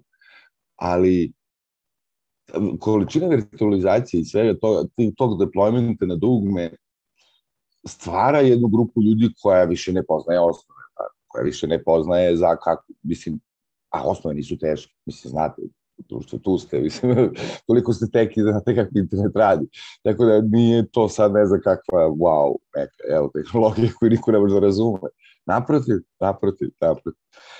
I mene više brini kad kažem to, jel, kao ti, ta virtualizacija i, i sve blockchain kao ovaj uh, cloud kao neka vrsta novog interneta na drugom kompjuteru. U tom smislu, a to držati na cloudu slike, pa bože, ja sam izgubio telefon 5-6 puta, ubio sam se kod toga, što nisam imao backup ti slika, ali na, that, that's the price you pay. Dobro, imamo, imamo mi, uh, mislim, ono što je super kod, kod recimo kod Bitcoinera je, ma evo ona, mislim možda, možda, ne, možda sigurno možda znaš da ovoga, ovaj, Wiz, šta je, Znači on je, sjećam kad sam ga slušao prije tri godine na ovom podcastu kod Stefan Livere pa je govorio kako on ono, potiče da nek ljudi budu i ono i internet service provider, ono, on vidiš on rana te IPv4 nodove, IPv6, on je ono ko mali, ko internet provider, ne, tamo. I Mislim, danas se to nije, mislim, kako bi rekao, kupiti nekakav ono, polovni server, ono, malo bolje ako ćeš ti, ako hoćeš, ako imaš malo inklinacije za ono, tehnički se s tim poigrat, složiti, nije nemoguće mislim da je lakše, ako, ako imaš volje, lakše ti je danas nego prije 10 ili 15 godina počet po meni. Samo još je pitanje koliko imaš volje, koliko imaš uh, želje za, za tim, ali ono, očito postoje, postoje ono... Pa vrati ovu mapu, da, vrati taj, taj vrh, vidiš, na primjer, Mhm. taj DNS, Mhm. taj domain name system, Da, da. je tako fenomenalna stvar koja je free and open source i koja mislim, dozvoljava da sve ovo jebote radi, jel? da pozovemo neki sajt po imenu, jel? i taj DNS, evo ovo upravo ta šema, evo sve ovo što si Vidiš, to je BGP, jel tako, tu, jel? Border Gateway Protocol, za ljude koji to ne znaju. Bo- Border Gateway Protocol je glavni protokol koji nosi internet informacije kroz između mreža, jer smo rekli da internet network of networks, mreža, drugi, mreža, mreža, Mhm. te stoga, evo, upravo, pa i to isto radi na tom principu, znači, ovo su core postulati interneta, ali trebamo da prestanemo da shvatamo internet kao neku visoku tehnologiju. Ona to nije. Možda je to Facebook, možda je to Facebook, možda je to Apple, iPhone je možda tehnologija, ali internet nije nikakva visoka tehnologija koju niko ne može da shvati i treba da deployuje server tako što će da na Amazon i da kaže klik i on će jel, to virtualno da napravi taj server. Može čoveče sa dva linije koda, please, samo pogledaj. Znači, le, le, nivo konformizma je isti, neće biti ništa teže. Ali, a opet apel na ljude koji su s ove strane. I iskreno ja, iako se svi smejavaju celom to pokretu Web 3.0, ja obožavam da, da vidim bilo koga ko kaže mi ćemo se povezati, ne znam, BitTorrent protokol. Jel verovali, ne, svi Facebookovi serveri su pod BitTorrent protokolom. Svi njihovi content delivery serveri su pod, koriste uh, BitTorrent protokol.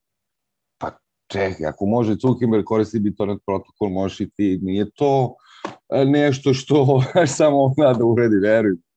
Sećaš se vremena piraterije, ne znam da ste toliko matori, ali mi smo ono, jel, pola svog života sve fucking skidali sa piratskih sajtova, koristeći kaza prvo, pa posle ostale vrste uh, sharing tehnologije, sjećam, Kaza. peer-to-peer tehnologije. Da, Kaza, e, ove, MP3-eve i, i ove... da. Dobro, samo što je tada internet je bio... Taj čovjek nastradao, bre. on je jedini bio nešto osuđen, stradao, telik strašno. Su svi tih ljudi, on je ratisi. Jeste. Dobro, dobro. Zaista, Facebookovi serveri, content delivery serveri koriste BitTorrent protokol. To je jednostavan, jako dobar, efikasan protokol. Tako da trebamo, Paolo, ajde više kažem, raditi na, na, na edukaciji mladih ljudi da, da nije sve izgubljeno, da to nije nikakva visoka tehnologija, da možemo da postavimo opet nešto što je sasvim drugačije i, i da će raditi, da će biti okej. Okay da nema da ne treba imati taj strah da, da je to samo sad neka neki erija, ne, neka oblast tehnologije u kojoj samo alfabet stručnjaci znaju šta se dešava ili ne znam, Facebook, meta stručnje, mislim, bullshit.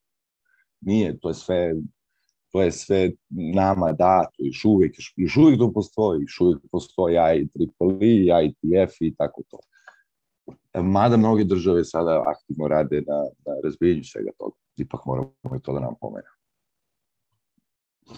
A što oni više pritišću, što više države, uh, ajmo reći, idu u tom smjeru, a cenzure i centralizacije i kontrole i toga svega, to su više ljudi incentivizirani za, za nač uh, counter rješenja. Znači, po meni je, recimo da sada dođe, evo tu opet ja tu samo koristim taj mali otok krab, ono kao nekakav primjer, da sad recimo dođe tu i naš Hrvatski Telekom ugasi ono internet uh, ono kompletno ove rutere da. i to. Uh, znači, onda bi se ljudi, onda bi se definitivno ono, uhvatili posla i u ja garantiram u roku par dana bi se ono tu klinci skupili. Napravili naš... community network, tako je. Tako je, napravili bi, napravili bi svoj network, ono. I zapravo bi izašli iz to, svega toga puno, puno više, ajmo reći, autonomni, ono, infrastruktura bi nam bila censorship resistant. Ista stvar da se desi da, da ono ugase, ko što su u Rusiji, ono ne znam, Visa, Mastercard ne radi, sad ne možeš pratiti payment jer post uređaj više ne radi, odlično. Ajmo onda se stvarno uhvatiti, onda ćemo otvoriti ono, napravit ćemo, ovaj, spin-upat ćemo ono, Galloy wallet, eh, odmah ćemo riješiti Lightning nodove i ono, moći ćemo se, snaći ćemo se, jel? Tako da nije to ništa loše, ono, čak i ti loše, loše stvari koje države rade, ja sam nekad čak ono bi volio da, da puno brže to naprave, ono, da, da ajde, ajde, daj gas, pa da ono, ajde da se riješimo, kužiš ono, da, da, da, da Stegni masu, da.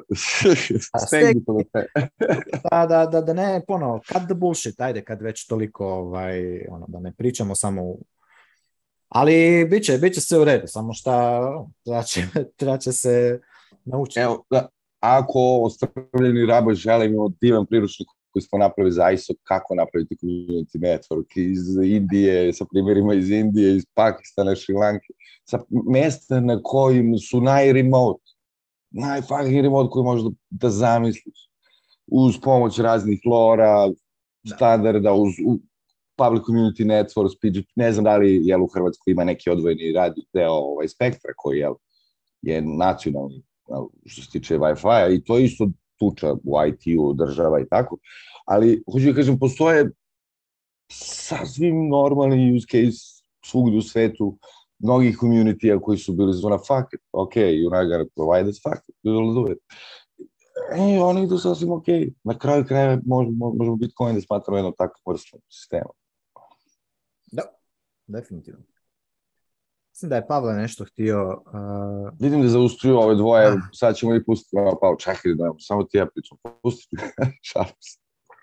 Ne, ne, ne, pa mislim, mi smo i pozvali tebe da bi ovaj, mi malo manje pričali, ovaj, ljudi su se zasitili više naših rentova, a ovaj, ja sam samo htio malo diskusiju da usmerim, evo sad ti pomenuo Bitcoin i evo dao si neku tu osnovu interneta i kako sve to funkcioniše i to je zapravo ti moraš da razumeš sve te neke stvari da bi razumeo Bitcoin dobro. A kada razumeš Bitcoin na kraju krajeva shvatiš da je to toliko jednostavno i lepo i da tu nema nikakve filozofije. Baš, baš smo o tome na Meetupu pričali. Znaš da je to toliko jednostavno i da je to tako jedna lepa tehnologija, ali potrebno je tih više nekih ono delova, slagalice da bi ti se ono baš sve te kockice sklopile. Pa Ajde da krenemo, ne znam, da, da se vratimo malo kroz istoriju i da pričamo, hoćemo da krenemo, sad ne znam, imamo, dv, imamo otprilike sat vremena, hoćemo da idemo tehnički ili hoćemo ekonomski deo? Ja bih Nećemo lično... tehnički, pustite ljude tehnike.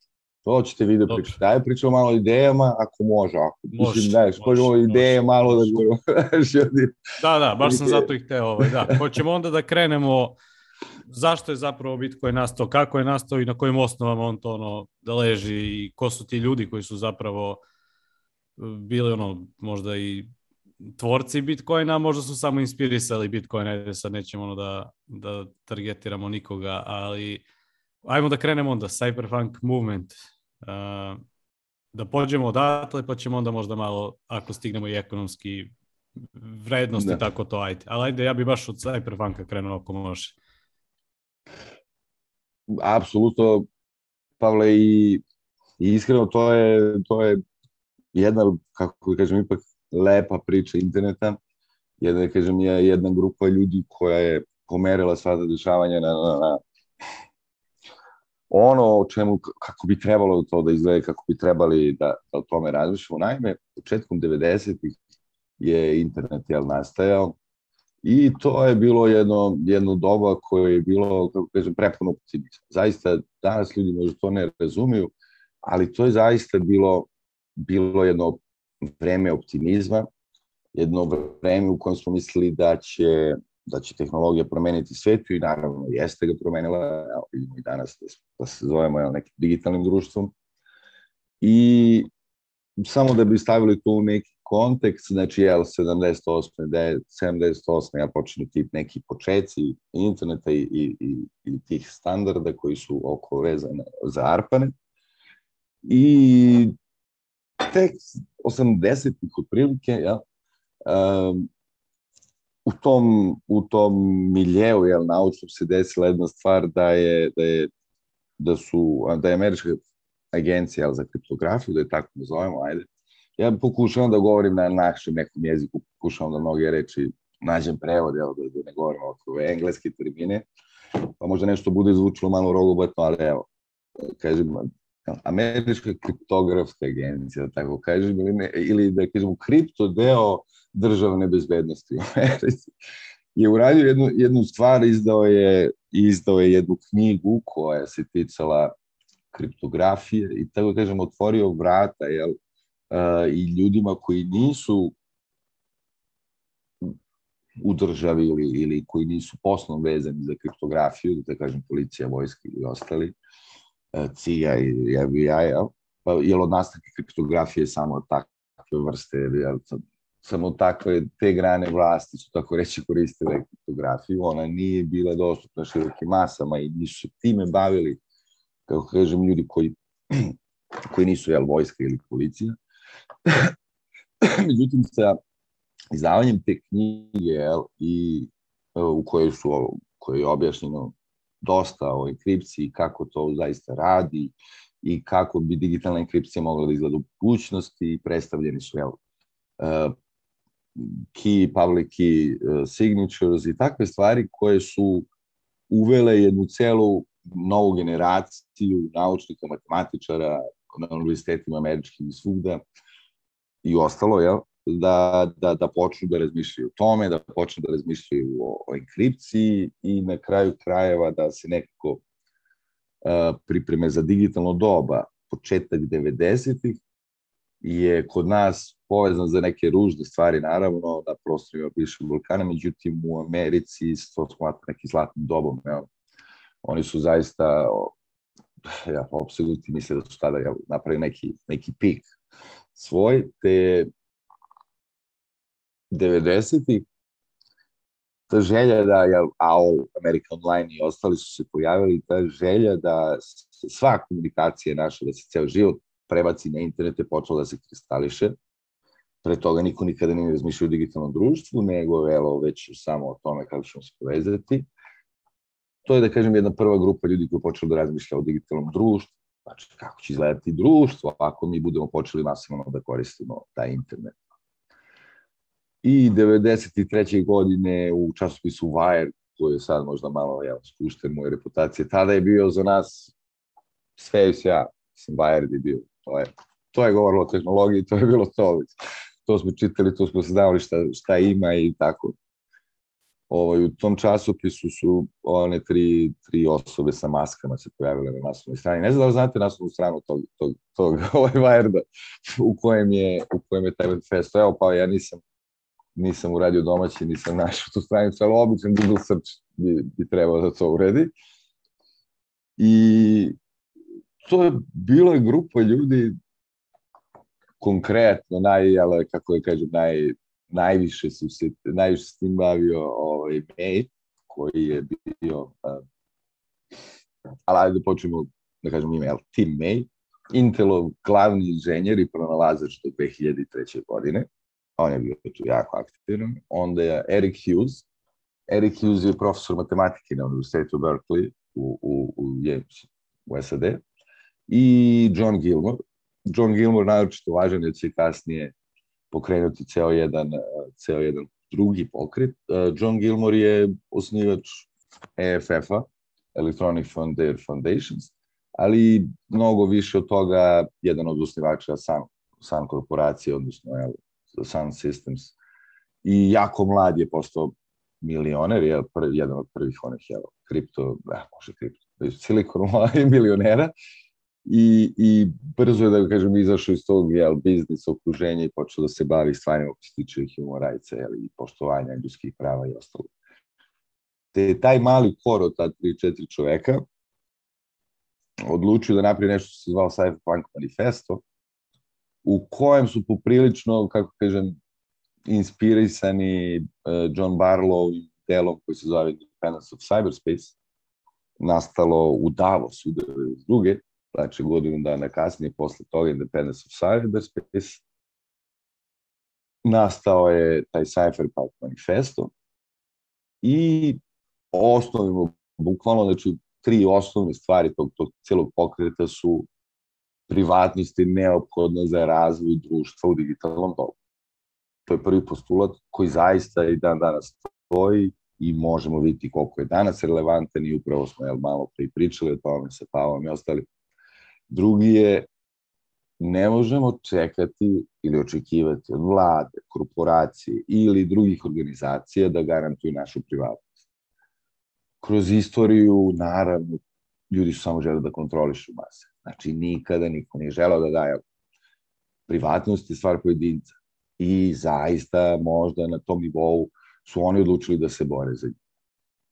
I naravno, naravno treći postulat koji kaže mi sami moramo odbraniti našu privatnost ukoliko želimo da imamo. Upravo kažem, pričali smo o tome i na samom kraju ti mail dodaje jednu rečenicu koja kaže Cypher, uh, kriptopankeri pišu kod, znamo da neko treba da napiše programe kojima ćemo se zaštititi i mi ćemo to uraditi. Prema tome, to je bila jedna vrsta pokreta koji, iako bi mnogi možda mogli da jel, zovu jel, stick it to the man ili neka vrsta jel, anti-establishment pokreta, naprotiv, nije bio anti-establishment, dolazi iz samog establishmenta, tako da dolazi od univerzitetskih profesora, jel, Intelovih inženjera i ostali, a s druge strane, da, ne postoji zaista drugi način, evo malo prije smo pričali, ne postoji drugi način da krajnji korisnik nekako uspe da zadrži svoju privatnost, ukoliko ne postoji neka grupa ljudi, vigil, to nisu vigilanti, ali neka grupa ljudi koja će na sebe preuzeti odgovornost da pomogne drugima. Jel, tako zaista civilizacija ide napred. Znači, mi ne idemo napred što je neko previše dobar kralj bio ili ne car ili imao previše boga bio. Civilizacija uvijek išla napred u trenucima kada je mala grupa ljudi svoje vojno htela da promeni nešto i da zaštiti veću grupu ljudi. To je jednostavno kroz istoriju pokazuje da, da ide tako, tako se razvijaju stvari i to je bio taj trenutak u kom smo mi bili opsednuti, jel, to posle tom idejom Cyberpunka. E, znači, to ne, to ne treba mešati sa Cyberpunkom ovim, jel, Cyberpunk iz, on, jel, svim tim pokretom koji je malo ranije nastao ovaj, kroz knjige i, i ostalo. Ove se isključivo govori o kriptografiji, privatnosti i početcima, početcima interneta. To su velika imena, među, među njima su bili i, na primjer, novi filma ostali koji su pravili, koji su napravili mnogi od kriptografije koji danas koristimo, ali između ostalog i, i Bob Kahn, jedan od susnivača interneta samog, jel, ARPANET sa internet surfom. I tako, ljudi koji su zaista znali kako internet radi, te su stoga mogli da naprave par cool rešenja koji dan danas koristimo, na primjer, u Bitcoin. Doći kažem, to je bio, to je bio pokret, jel, možda, mnogi kažu poslednji uh, free pokret i poslednja free ideologija jel, u, u 21. veku. Ali evo, ja ću vas sada pitati, još vi ste dosta mlađi od mene, ok, ne znam, pa o, ajde sad, seda brada to odaje, pa ovo što kažem. Ali... nije, nije. 35, kaza, te ovo, kaza. kaza. Kaza kad sam bio mali, pipić. To. Ali evo, ja sam pitao vas, evo, evo mislim, tako kažem, kao jel, mlađu generaciju. Da li vi uopšte vidite u svetu bilo koji pokret? People empowerment pokret. I jedan, bilo kakav bilo koju ideologiju, bilo šta. Jednostavno, ja sam zaista razočarao, toga nema. Nema.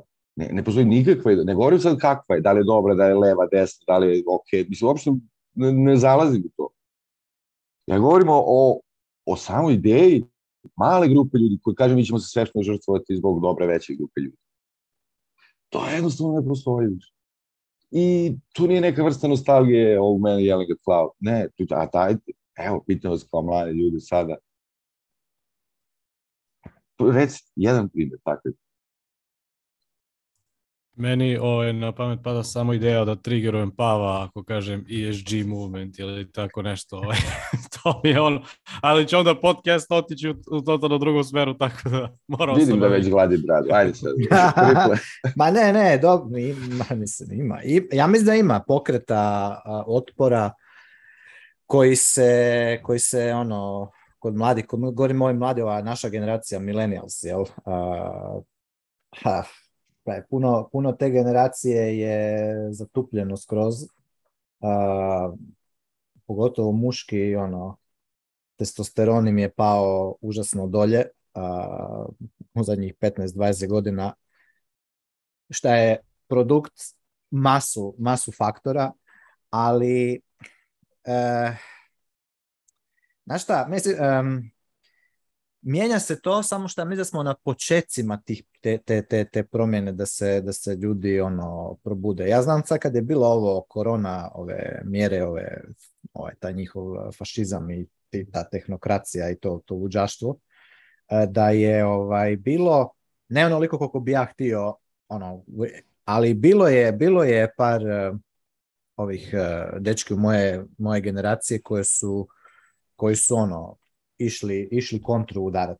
Sad ti recimo isto imaš, ne znam, ovo što se događa, opet ovi protesti sad po Europi, trenutno ono, Nizozemska, Italija i to ovo za opet ovo šta, šta psihopati uvode te nekakve globalističke ono, ciljeve oko karbon, e, nitrogen, te stvari.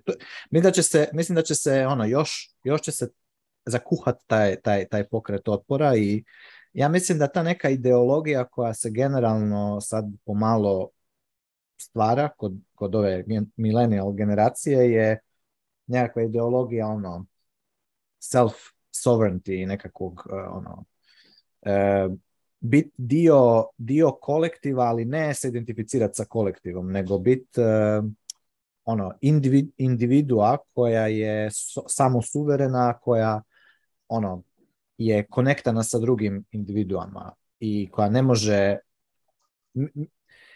recimo ja se nadam barem da, da, da, da taj movement kontrademokratski isto postoji, jer ja ne vjerujem u demokraciju nikako. A mislim da je to ono bullshit tež, teški. E, nego vjerujem u, u, ono, u private property, u, u slobodu, a, slobodu i odgovornost individualca. Um, ali siguran sam da je recimo u, ne znam, u 70-ima je, je bilo nekako puno je bila ja, jasnije profilirana nekakva ono kolektivna ideologija uh, ljudi koji su tada bili mladi, koji su bili ono, ne znam, ima, neš, ima nešto, se, nešto, se, nešto se sada isto dešava, kako će se to razvijati, uh, vidit ćemo, ali ja mislim da će se razvijati u tom smjeru da će onako, uh, bit, će, bit će veća sloboda nego što je sad. Evo vidim da si našao taj Wired. Rebels yeah. with and that causes your privacy. Da. Znači, to je zaista, mislim, to je ovo što smo rekli. Znači, ne kao interesna grupa ljudi, da je meni lepo, ja ću otići u šumu živjeti s prirodnim životom. Ok, get it. That, that's kind of a selfish thing. Evo, naravno, svako može na tom nivou da nađe sebe. Govorimo o nivou, ja, poboljšanje za druge ljudi ja, za your privacy ovde kažu, ovo su, ovo su njih trojica, Brian May, oh, Brian May, Pink Floyd je jak sam. Nije Brian May, nego Tim May, naravno. ne Brian May, gitarista Pink Floyd, nego Tim May, inženjer ovaj, Intela i, i Gilmore, Gilmore je ovaj poslednji desno. I tako, to je, kako da kažem, sacrifice je velika ljudska kako je velika, velika stvar u našem Sacrifice for others, jel, ili tako neka ono, kako kažem, žrtvovanje za druge, neka je najuzvišenija stvar zaista koju, koju mi kao radimo kao pojedinci.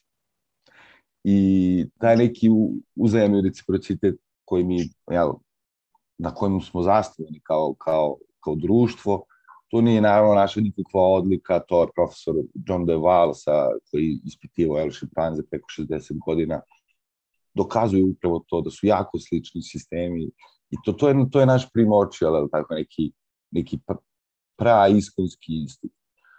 Jer mi ne bi mogli da se napredamo korak kao rasa, jel, da smo svak sam sebi, ono, ok, ja sam u svojoj pećini ja ću sad ovde, meni će bude do ja, imaću ja svoju decu i ženu sve super prave, prave stvari, pravi breakthrough se dešavaju kada su određene grupe ljudi spremne da se žrtvuju za druge. I da, to je iskreno bio, kako kažem, moj zato su oni za mene bili ono najsjajniji arm. Ne zbog to, ja sam znao da kako u sebi, ne znam, da, da kontrolišem soket ili šta znam, mislim šta god, je neki, tih nekih osnovnih stvari. Znao sam ja sad sebe zaštitim, nije problem. Ali to da sam vidio da su neko ko ipak deo establishmenta, ko ima šta da izgubi, ja, oni su svi zaista bili etablirani ljudi, e, može tako da kaže, ja, kao, ok, now we gonna do. Mi znamo vi ne razumete šta je to i da vam treba, ali mi razumemo. I mi ćemo da step up, i mi ćemo da to napravimo, vidjet ćete da će vam treba. I kao što vidimo trebalo i vidimo da jednu od tih stvari koristimo baš masovno i zbog nje smo se ovde naše stvorice okupili.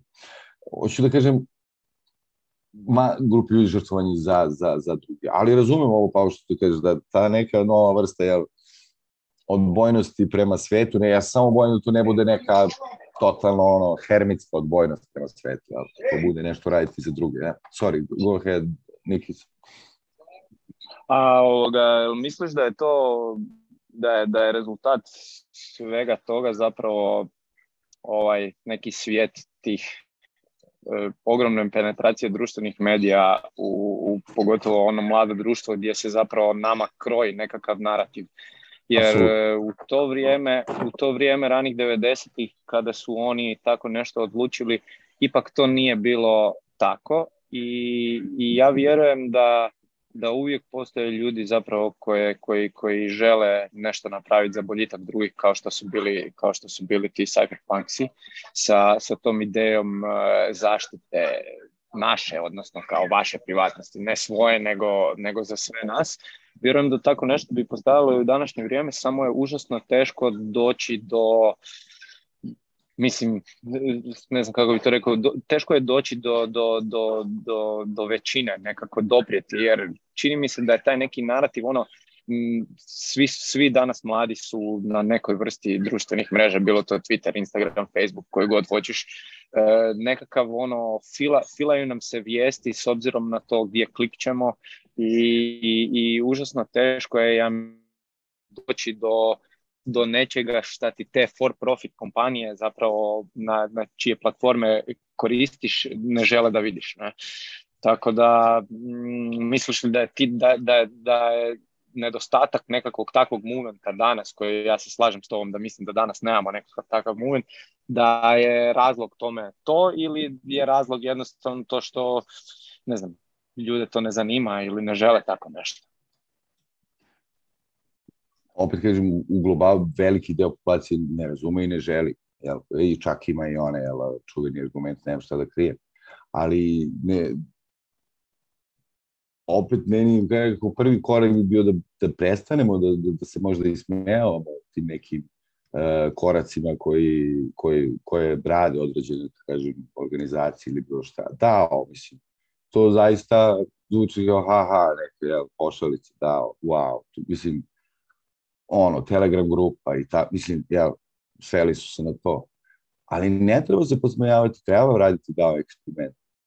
Treba raditi svaku vrstu, uh, ne kažem decentralizacija, ali svaku vrstu novog postavljanja sistema kako god želiš. Mislim, ok, smisli nešto drugo, smišli, ne znam, pet servera koji su u kosmosu, tri su, mislim, ok, ne, prvi veliki korak bi bio da tehnološki community iskreno prestane da se priča o tome, da prestane da kao da, da, da to stavlja u neki kao, ma dobro, da, ali oni ne mogu da zarade ni 100.000 eura. Ili, mislim, hoću da kažem da kada prestane ta neka podrugljivost prema, prema tome koja je, koja je apsolutno triggerova kroz socijalne mreže. To su apsolutno si pravo i mi nećemo sad govorimo, ne znam, pustenjaki sad i nećemo mi da otvorimo telefon pa će biti cool. Da, otvorit ćeš Instagram, jer tvoja devojka je tu i njena sestra je tu i mislim, može da šta je rade i tako. Ali ne treba se smijati tim, tim kako da kažem, tim uh, grassroot pokretima, treba ih pomagati, treba ih zaista, ono, kako god možeš, ono, bar pokušati da razumeš I najgore od svega je ta, ta trivializacija reći, pa to je jednostavno, koga voli, to je, pa, najbolje rešenje su jednostavne. Naj, najčistije rešenje su jednostavne rešenja. na, rešenje koje najduže rade su jednostavne rešenja. Tako da, to bi bio jedan, tako kažem, korek, nekog tog ono, uopšte tech bro odnosa prema je, yeah, Igor, tech bro, ali ti nisi zaradio, znači, ne možeš sad, ne, ok, ja, ja ne znam da se ljudi tehnologijom toliko bave zbog novca, iskreno, to je samo posao tako, je primarni faktor, ali nije bio primarni faktor, znači, znate, sami ne znam da se bavite naukom i ostalo, mislim, ko, ko, ko, evo, give us a fuck, pa science, mislim, koga boli kurac matematiku ili nešto radili, to nikad nije bilo cool. I nikada to nisu neke stvari koje su ti donosile puno pare. Međutim, danas taj developer ceo svet, ali taj svi ti ljudi koji prave tehnologiju, zaista su iz zona da on je neki evo, stručnjak, on je napravio ni milijardu dolara. I napravio ni servis od 100 miliona dolara. Evo. Velika stvar je bilo predstavljamo da, da pokušamo da se, kao kažem, pomognemo tim grassroots pokretima. I broj dva velika stvar je bila ovo što ja mislim da radim ceo svoj život, a to je da branimo standard neko kojima je sve napravljeno, pa će eventualno da dođe neki novi Pavo, neki novi Arvi, neki novi dečko koji niko sada trenutno ne zamišlja, pa će ovaj uraditi nešto što će biti isto jako cool. To mislim da bi bio prvi, prvi koreci.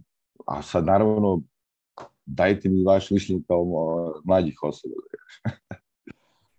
pa, ne znam, ja mislim da ta borba sa tom entropijom i tim informacijama na tim mrežama baš onako jedan od dosta bitnih faktora zašto su ljudi ono ravnodušni, zašto više sve manje manje imaš te pokrete, jednostavno kao ja nemam vremena ni za šta, pa nemaš, brate, vremena zato što ti sve jedne iste informacije u toku dana, ono, znaš, mreža i to su roboti, ali isto tako mislim da će, znaš, da su ljudi ipak ono racionalno biće, da će do jedno, u jednom trenutku, znaš, ono, doći do zasićenja, više neće biti ni to to.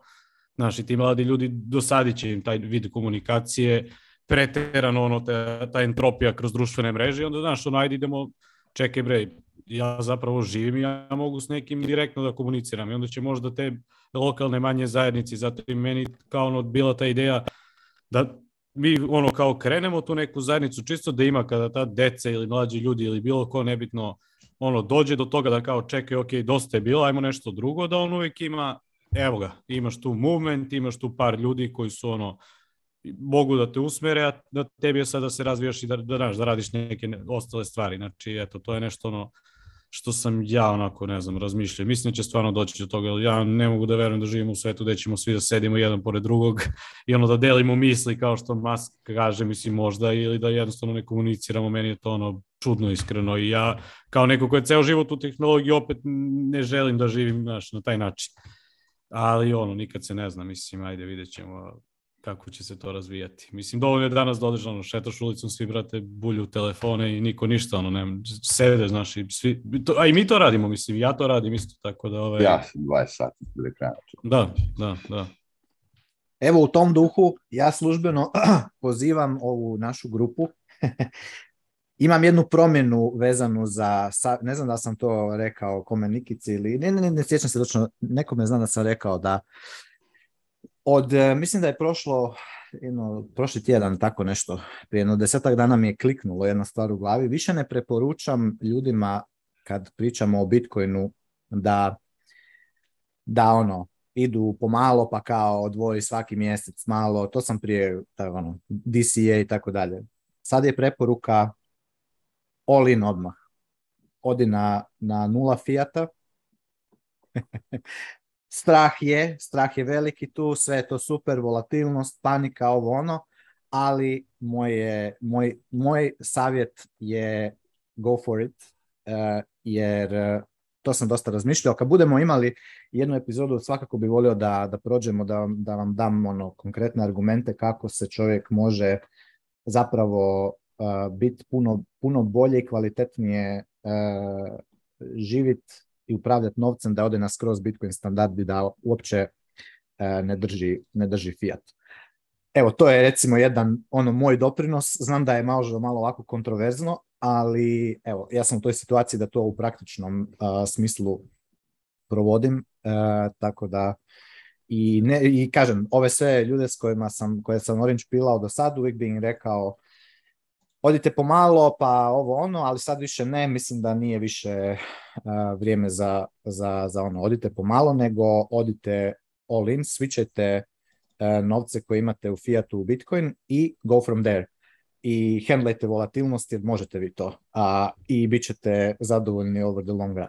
E sad, kako u praksi, to ćemo morati još, de, svakako bi to volio malo i objasniti, zato što treba raditi zero based budget cijelo vrijeme i treba ovaj, treba apsolutno napraviti sve što god možete pod svaku cijenu da eliminirate svaki dugi kredit kojega eventualno imate, da bi to mogli stvarno na taj način uh, dobro, dobro provesti, zato što inače ćete se ono, ukenjati skroz uh, i bolje ne. Ali ako, ako će to, ako ste spremni takvu promjenu u životu napraviti, može i evo, vrlo rado ću vam pokazati zašto je i matematika na toj strani. Čak i u bear marketu. Evo, to je moj doprinos za, za ovo. Ma opet malo ludilo, ali šta ću. Sad je to tako. Kažem odmah ljudima, odite all in. I, i, jel kao seriju podcasta braju? Da, dan jedan. Danas jedemo ovo. To, taj fa. Proveriš ljude koji budu. da. Dobro ide. da, da. Do, dobro ide, dobro ide. Ovo je novi Bukele sa Raba. Ovaj, all in i to je to. All in, da, all in, ne, ne ono kao držat ću još malo Fijata da se malo, da, da, da sam sebi kao dam iluziju nekakve stabilnosti. Nema, nema stabilnost ne postoji. E, više pogotovo ne, ne, ne sada u, ovaj, u ovom makro uh, stanju u koje, u koje smo ušli i mislim da što prije, što prije uh, odbacimo ideju ono E, nečega stabilnosti i sigurnosti u životu, to ćemo imati uh, puno bolju, puno veći mir zapravo sami sa sobom.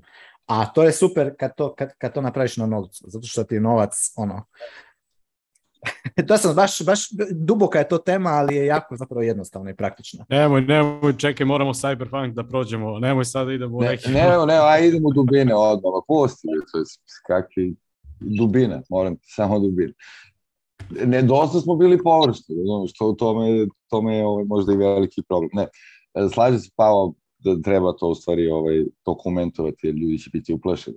Znaš, to zvuči jako scary. Čekaj, kako ja kupim hleb. E, da, da, e to, to, to, baš, me, baš, baš, baš bi na to volio, ovaj, to ću definitivno morat dokumentirati, ono, jer se ljudi prestraše da neće moći kupiti hljeb, a u biti su, ono, koriste državni novac, ono, koji, Ma joj, sve se to, sve se to može napraviti. A pogotovo danas je tako, to je ono, je, praktično. Mislim, evo, ja sam operiram na, opet na 100% Bitcoin standardu. Nažalost sam sad u ovom, u ovom bear marketu, u ovom dipu sam išao, držao, držao sam na dva mjeseca Fiat, uh, kao, jer sam vidio sam da će, da će ono još past, ali nije, nije, to, nije to the way. Ti trebaš osjetiti osjetit taj pad kupovne moći, zato što ćete pad kupovne moći u Bitcoinu, kad držiš Bitcoin only, on te zapravo e, natjera da optimiziraš troškove i da podigneš prihode.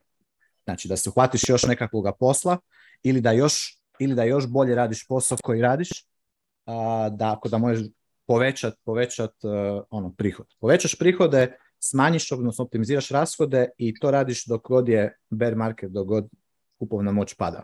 I efektivno zapravo ćeš imati puno više, puno veći stack Bitcoina nego da, nego da držiš fiat i da ono pokušavaš taj mirat kad ćeš opet uh, um, ono, bajinat. To je ono što sam ja iz praktičnog života vidio, uh, ne samo na sebi, nego i na još par ljudi, a, ovaj, a onda u bull marketu, znači kad kupovna moć Bitcoina ide jako gore, onda jednostavno otvoriš, ono, budeš malo više, trošiš više, možeš imati veći, veći outflow. Što ti onda u, praksi znači da zapravo ono, uh, radiš ono što idealno bi traderi htjeli napraviti, a to je buy low, sell high, ali kad si u fiatu, ti, kad, kad ti ono frame of reference, tvoj fiat balance, ti onda samo ste, boriš se sa svojom emocijom, zato što biš ti htio buy kada je, kad price ide up, a htio bi sell kad price ide down. I out levelaš sam sebe, to zna Nikica sigurno što znači kad se u pokeru out levelaš.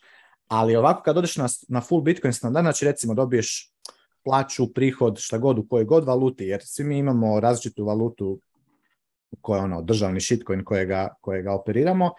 Kada to konvertiraš u Bitcoin na, u trenutku kada, si, kada ti je to došao kao primitak i onda go from there,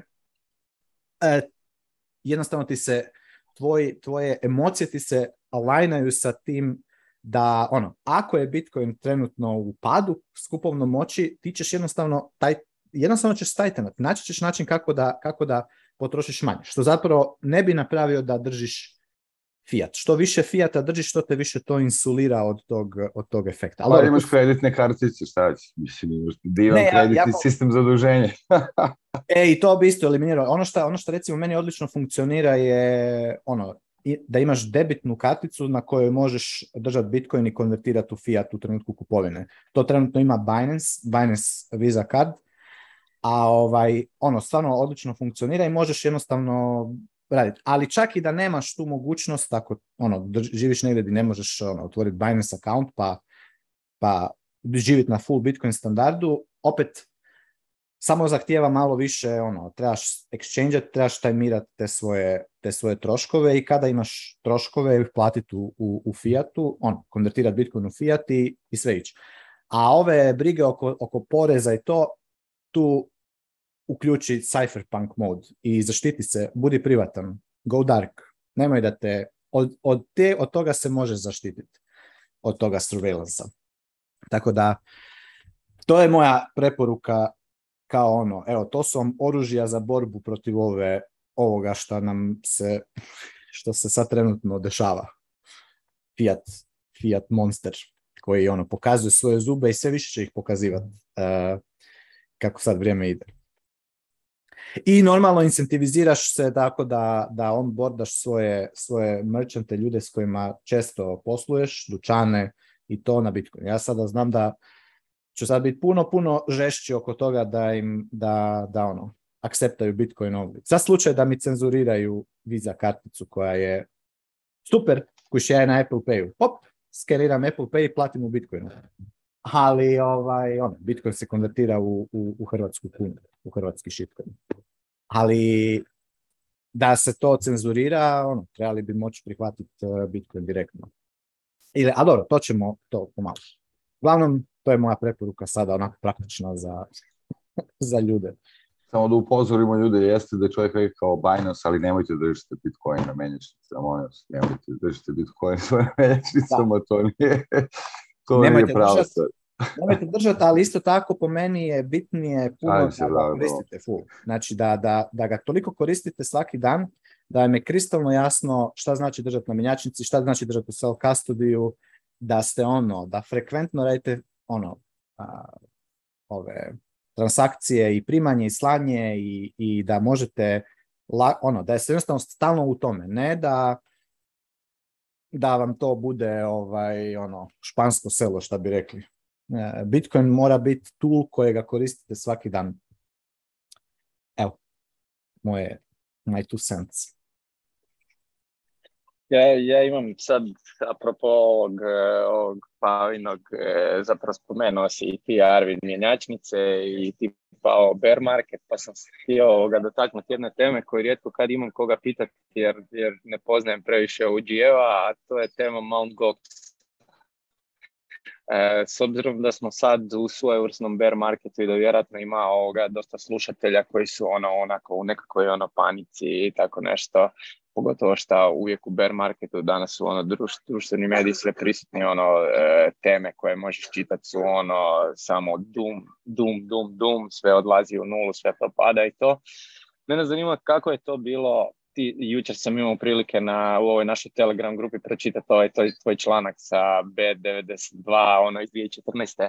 što je stvarno ovoga nevjerojatno. Mislim, evo sad si nam već u proteklih sat vremena ispričao ono nekakvu svoju povijest, pa je zapravo i normalno da si već tada e, imao jako dobro razumijevanje toga, ali meni je nevjerojatno da, da ono, kad, kad čitam i, i na Nakamoto institutu ili tako nešto, ljude koji su ono, u samim početcima Bitcoina imali toliko ono kristalno viđenje Bitcoina u budućnosti, što Bitcoin zapravo predstavlja i, i sve to.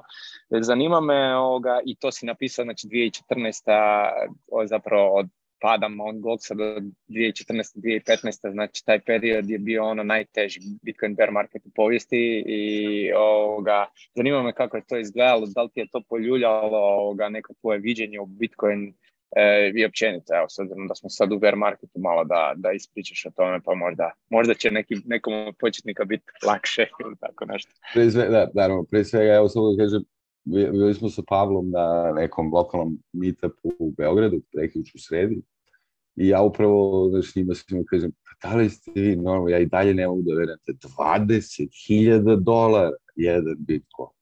Znači, to je neverovatna cifra, ljudi. Mislim, ja razumem da, da mislite da to je četiri puta manje, ili tri puta manje koliko je all time high bio, pa, ali ideja da je 20.000 dolara a sada i 20.000 evra, je dolar i euro, isto, 20.000 eura jedan bitcoin. Ljudima, to je, ja ne mogu da vam objasnim šta je to za mene. To je zaista pojam nesvatljiv za mene. Znači, broj jedan. Broj dva, sve stvari padaju znači sve stvari padaju tu i padaju u neki u neku vrstu očaja, dispere i tako. To je sasvim normalno normalno ljudi padnu u despair i očaj. Ali ako poznaju šta je zaista teško je da pomisliš da će to neko, da će to zaista propasti. I zbog toga je važna ova priča koju smo počeli s početka, zašto je Bitcoin moguć danas? Kako i zašto je on moguć? Znači, to je dosadna priča, jel, o otvorenim standardima interneta, ali zašto je moguć mu daje tu intrističku vrednost. Znači, nije to ta neka intristička vrednost koju govorimo u ekonomiji, ne znam, o zlatu, dijamantu, što je već. Intristička vrednost u tome da on radi. Zvuči glupo, ali downtime zero. Znači, sistem koji se nije zaustavio, koji je napadan, a tada je napadan vi nemate pojma koliko. Mislim, to je zaista, tada su bili i brute force, i 51%, i mreža bila mnogo manja, i rudari su bili mnogo slabi. Sve je bilo mnogo niže nivou, bilo mnogo više vektora napada. I svaki od njih je iskorišćen, svaki dan. Ali ovaj proizvod, ovaj digitalni proizvod je pokazao rezilience. Je pokazao rezilience. Znači, to nije izmišljeni neki rezistor. Da izađe CEO kompanije i kaže naš, naš chat ne može niko da pročita. Ne. To je CEO kompanije koji izađe i kaže evo vam kod našeg četa slobodno da pa da vidi. I onda deset godina svi ljudi koji najviše znaju to pokušavaju i ne uspeju. Rad, stabilnost i osnov na kome je napravljena ovakva vrsta peer-to-peer sistema je robust, nezaustavljiva i široko rasprostranjene ideje se ne mogu zaustaviti. Da iskoristimo jedan line iz, iz Cyberpunk Manifest. Široko rasprostranjene ideje se ne može zaustaviti. To je gotovo, to je, mislim, jao. Tako da je Mount Gox je bio sajt za trgovinu Yu-Gi-Oh kartica. Ja sam igrao Yu-Gi-Oh tada sa mojim nečekom, ali i on je bio veliki fan tih Yu-Gi-Oh, to su one, ne znam da znate šta je, neka vrsta to je, card games, ja i, ovaj, i oni žive u Kanadi, mislim, u Vancouveru, ja, kao ostatak imigracije naše. I ovaj, dok sam bio tamo u, u Vancouveru i kažemo me, kao pa mi možemo tradujemo te kartice, ajde ja imam ovoga, reći, kao mi na, nađemo odmah na taj sajt Poundbox, koji je, evo, wow, čovječ, to izgleda tako mesmerizing. To, bilo, to su bili katalozi nekih kartica, nekih onih cards, baseball igrača, ovih, to je bio jedan veliki živi marketplace ja, koji, je, koji, se, koji se odvija online. I iskreno to je ono meni bilo kao wow, super. I mi smo ga jednu godinu nešto koristili za tradovanje Yu-Gi-Oh kartice. I onda se desio taj ovaj kako kažem ekipa mali bumić ono i Bitcoina i on je počeo tu da se koristi i onda su oni počeli da menjaju taj Bitcoin. Zaista, sin, realno taj sajt je značajan zbog toga, jer zaista je jedna prvih menjačnica ikada, e, zajedno sa onim BTC-E i onim, onim nesretnim Rusim što su sada uhvarsili u Grčkoj posle godina. I ovaj, tako da BTC-E, ja mislim da je bio i, i Mt. Gox, prvo Mt. Gox, posle par posle nekog vremena BTC-E. I iskreno to nam je davalo slobodu neku, pomislili smo, ok, neka je ovo mali geek community, ali bar u tom malom geek community ćemo imati nešto naše lepo i ćemo da onoga očetišemo i da što tek. Kada je sve to sručilo, to je zaista izgledao kao kraj. Jer to je spalo opet na 1 dolar, tako, 1,5, 2, nešto tako bilo nešto, ne, ne, neka strašna stvar. Međutim, prva stvar koju smo mi tada pomislili, a, sad ćemo kupimo Feathercoin, tako sad ćemo kupimo Namecoin. Znači, mislim, mi smo, nije to bilo gubljenje vere u to, sad to kao više neće postojati. E, ok, možda će da promeni formu. Tako da, neka vrsta ohrabrenja iz danas, jel, ove ljudi ti gledaju slučaju, to sigurno neće prestati da postoji. Možda će promeniti neku vrstu forme, jel, neko kastilje ili kako se, uh, govorimo o traderima sada, govorimo o ljudima koji drže ovako. Ali uh, price will go up, to je in, in, neizbezno. Mislim, tehnologije koje radi su redke danas. Ovo zvuči možda smešno, ali tehnologije koje zaista radi su redke danas. I to je jedna velika, velika prednost Bitcoina. Uh, uptime, tako zvanje. Ja? Jednostavno, mi nestajemo. Na taj sistem nestaje. To radi čao.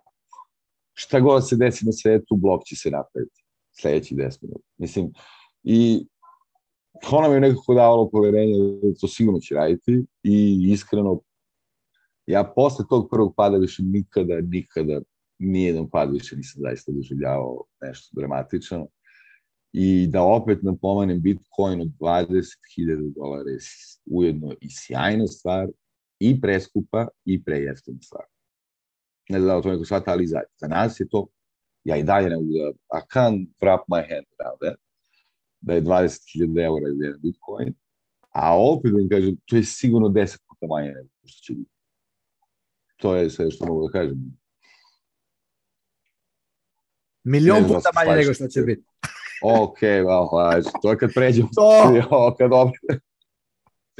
Čovječe, za mene je 20.000 miliona puta Bitcoin na trilijune, kvadrilijune, Googleplex dolara znaš šta, ovaj, ta, taj velju, to nismo odatle počeli. Treba smo, mislim, možda, ali ajde napravimo neku emisiju o ontološkim stvarima kao što su vrednosti, merenje vrednosti, jel? šta je to zaista vrednost i kako i ko je u ostalom istorije novca, nije ovo ništa nešto revolucionarno, zaista, Bitcoin, mislim, naravno jeste u ovom smislu kojem smo pričali do sada, ali u smislu evolucije novca zaista, zaista nije i zaista je normalan korak koji ono, je bio lako predvidljiv, što i vidimo mnoge ekonomiste Friedman i ostalih, jeli, 70-ih i 60-ih čak i, i 70-ih, da su to jako lako mogu da predvide, naravno, u budućnosti digitalna, te i, unit of account mora bude digitalan i, i to je ohrabrenje za sve, kao sada je milion puta skuplji Bitcoin nego što sam nikad mislio da će biti, ali i dalje sigurno sto puta jeftiniji nego što će biti. Na, ja, nažalost, znaš, ono, bukvalno se sve moguće pare, da, da ne više kupujem dip, pošto ga kupujem od, od koje počeo pa se, o, kao, evo, daj, da kupimo. Mo, ohrebrenje za ljudi, nema to, to, ovaj, mislim, 20.000 eura, it's not his final form.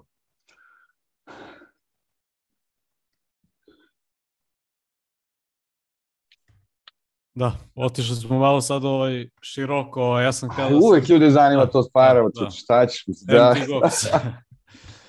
da, Empty Gox, ja. Ovaj, e, nažalost, ja ne znam kako se sva ta, sva ta priča odbijela, sada vidim da ima i neki follow-up u tome, tako? Pavle, ti si nešto pričao, ti znaš možda više šta je bilo. Da, da, pa pričali smo baš na prethodnom podcastu da je ovaj njihov, ja sad ne znam kako se zove form, ona titula tog nekog lika ili firme koja zapravo hendle sve te stvari. A, trebalo bi da dobiju napokon neku tu isplatu ljudi koji su odradili taj claimant, sad ne znam kako se to oni prevodi, i trebalo bi da oko 140.000 bitcoina dođe na tržište, ali i, da se likvidira. Ali to neće, oni su baš pričali o tome da to neće doći odjednom, nego će biti ono, verovatno po fazama, zato što da. bi, ako bi sve to jednom dampovali negde, to bi automatski cenu Tako. ubilo, I, a i njima naštetilo, tako da nije ni njima u interesu se to, tako da će verovatno to onako vremenom.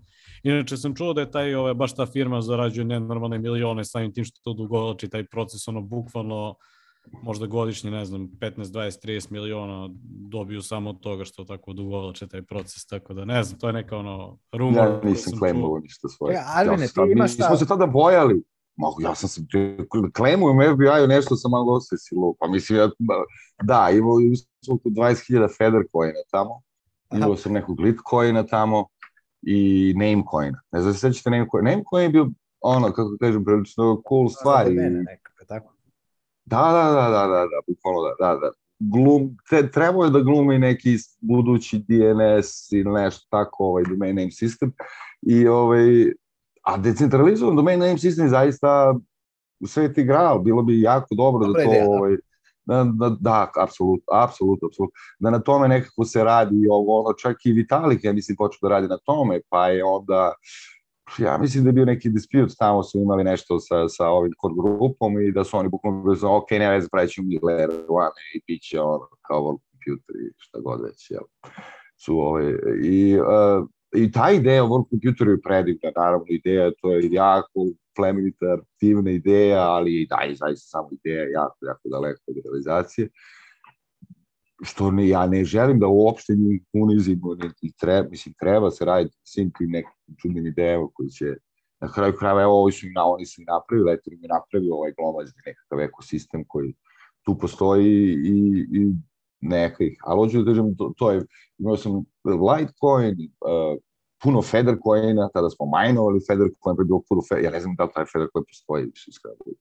To je bio projekat jednog od mojih prijatelja koji je bio u Cambridge univerzitetu i onda su oni to počeli, to je univerzitet za Cambridge su počeli nekako neki test, pa onda kao, aj brate, majn malo za nas, pa mi smo kao pale neke tu kompovi majnovali za njega i imali smo dosta toga, ali da claimujem Fedu nešto kao, kao prvo mi smo bili sezona, ako ja tu uredno ću da uhapsim, mislim, ili, znaš, one, ja sam, nismo imali uopšte taj nivo interakcije, da ćemo da claimujemo i da će nam neko nešto vratiti, na, kao ponas, kurac, izgubili smo, čao. Izvinjavam se na reč, sorry. Ne, ne, ovaj podcast je bukvalno samo o tome, ovaj, sa, samo organski možemo da pričamo kako hoćemo, tako da ovaj... Čo, ja već mislim, ono, Arvin tamo par sto bitcoina čeka samo da dođe ono, od Mount Goxa. Ja znam jednog čoveka u Srbiji koji je imao dovata sredstva. Ja mislim da je on claimovo i ako se sve to desi, znam, znam zaista jednog dečka koji je imao, Ajde, super. imao je neke stvari tamo, ne znam da li je tu claimovo iskreno, nama zaista, evo kažem ti, znam taj mali broj ljudi koji je tu bio tada oko toga i ja mislim da niko to nije klemo, niti uopšte mogu pomislio da to će nešto biti od toga i da, da, da je to moguće. A koliko je u stvari prošlo tada, ljudi, ima 10 godina, da? Skoro, da? Ma, mi, mislim, nismo razmišljali uopšte da će biti živi 10 godina, tamo da će, da će FBI da nam vrati tamo neki internet magic money. U suštini sve to skupa bilo 50 dolara, sve ono, ja mislim da to ovo je od tada u dolarima bilo jako malo i bilo ok, oprostit ćemo se toga, koga briga. E, Bilo je dosta sredstava na BTCE, ne znam da li znate šta je BTCE, ne znate vi, da. To je u stvari zaista prva ogromna, totalno anonimna menjačnica koja je postojala. Znači, bukvalno, nikakav mail, apsolutno ništa, ništa, ništa. Znači, browser otvoriš, ugutaš adresu, send, send, čao. Znači, apsolutno ništa. Ispod nije bilo ničega. Najobični framework. Znači, samo ping na server i nazad. Ništa. To je bila, vodila grupa od Rusa, tri, četiri Rusa koje su ovaj, uh, je da kažem iz nekog drugačijeg miljeja, ne tehnološkog, da ja to tako kažem. I, ovaj, i BTC je ogromne novce tada okretao, velika količina bitcoina sa ovih produkta. Sad govorimo o ovom području, naravno, jug, jugoistočne Evrope i to. Dosta je ljudi tu imalo i FBI je ganjao taj sajt bar 6-7 godina. Baš aktivno. Uh, znači, bukvalno ne treba ni broj telefona, maili, ništa, ništa, ništa, ništa, jednostavno najobičniji ovaj, server na koji malte ne to peer se deli, on uzme neki kat i čao, to je to. I ja mislim da su neverovatne sredstva Fed uložili da, da se taj sajt zatvori, on se zatvorio 2017, ne mislim, pred onaj bum, a tog lika su uhapsili u Grčkoj na moru sa ženom, ono sa plaže su ga odveli 2019. ja mislim. I, i teško, pred teškom robijom su. Ali opet, zašto? Zašto je on kao facilitator web sajta, jel, te tako teškom robijama? Ali tu postoje, jel, taj government uh, reasoning koji kaže da, sav taj novac, to su stvari pravi mafijaši, to je sve, ja, to je samo neki kriminalni novac koji se ti kao pravo, pravo za njih pošto toga inače nema u Deutsche Banci ili ne, tako daleko bilo, nigde, nigde toga nema. I, ovaj, I oni su inače transparentni, znaš kako su bančni ledgeri transparentni, sve može da vidi svako, može sve da vidi. Tako da, mislim, cinizam na stranu, to je, ovaj, to je za nas bio tada velika menjačnica i, i iskreno, e, ne da su svi napustili taj koncept, nego su bukvalno svi zaista u strahu od odmazde kažeš policijski, ako bi tako nešto uradio. Dobro, Uniswap i ostale ove stvari jesu decentralizovane, ali, ali nisu u tom, u tom smislu, nisu finalne instance. Znači, so, Nikica, zaustavio se nešto, izvini, da sam te... Nisam, nisam, nisam, slušam, slušam, samo klimam glavom, samo, samo ti. Zanimljivo mi je ovo, ono, tako da, samo nastavi slobodno. E, da, PTC je za nas bila kao do menjačnice, da tako kažemo. I Mount Gox ja, moje su, kažemo, iskustva bila više vezana za ove o, karte i tako, su neke one geek gluposti kojima se, kojima se mi bavimo, ovaj, zbog kojih nemamo zbog kojih nemam slobodnog vremena u stvari, a ne zbog nekih korisnih stvari, nego zbog tih glupih stvari. I ovaj, pretvorilo se iz Yu-Gi-Oh! Trading Card u zaista jedan od naj ono, moćnih slučajeva na internetu, osim, osim ovog Silk Roada, naravno. E, to je verovatno još veći, da tako kažemo, slučaj, ali je iskreno i nekako zauvek udario taj pečat e, tome da je Bitcoin neka valuta koju koriste perači novca, teroristi ili već pomagači, ne znam koga i čega. Mi znamo sad u toj na poslednjoj konferenciji Interpola ovaj, na kojoj sam slučajno bio, je, ovaj, su bili podaci koji su oni iznosili, da oni nema nikakav problem ni sa kakvom anonimnošću, a on nema problem nikada nikoga da ne znam, nađu i da to nije nešto.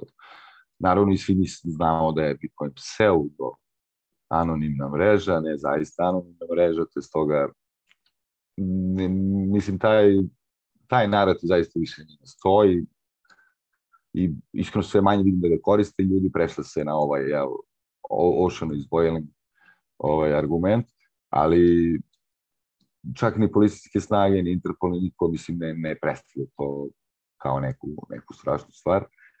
Te mislim da je, ovaj, kako kažem, malo se drugačiji promeni milje, a iskreno danas ljudi žele da se zamere To je jedan, jedna stvar koja je ovako isto je malo meni čudna za, za ovu generaciju, ali bože moj, šta sad?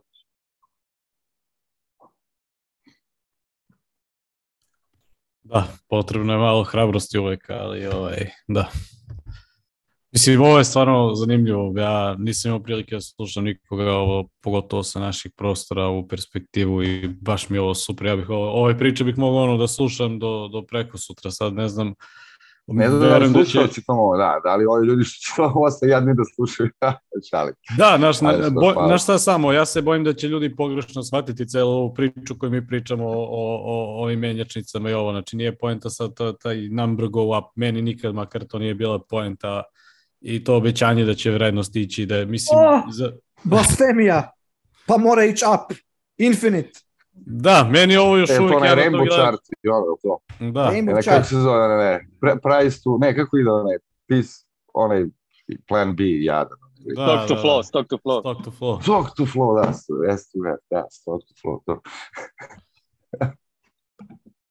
Da, mislim, ja sam onako uvek obazriv oko toga, meni je to još uvek ono eksperimentalna tehnologija i vidjet ćemo, mislim, ne, Pavel se neće složiti sigurno sa mnom sad oko ovoga. Slučajno.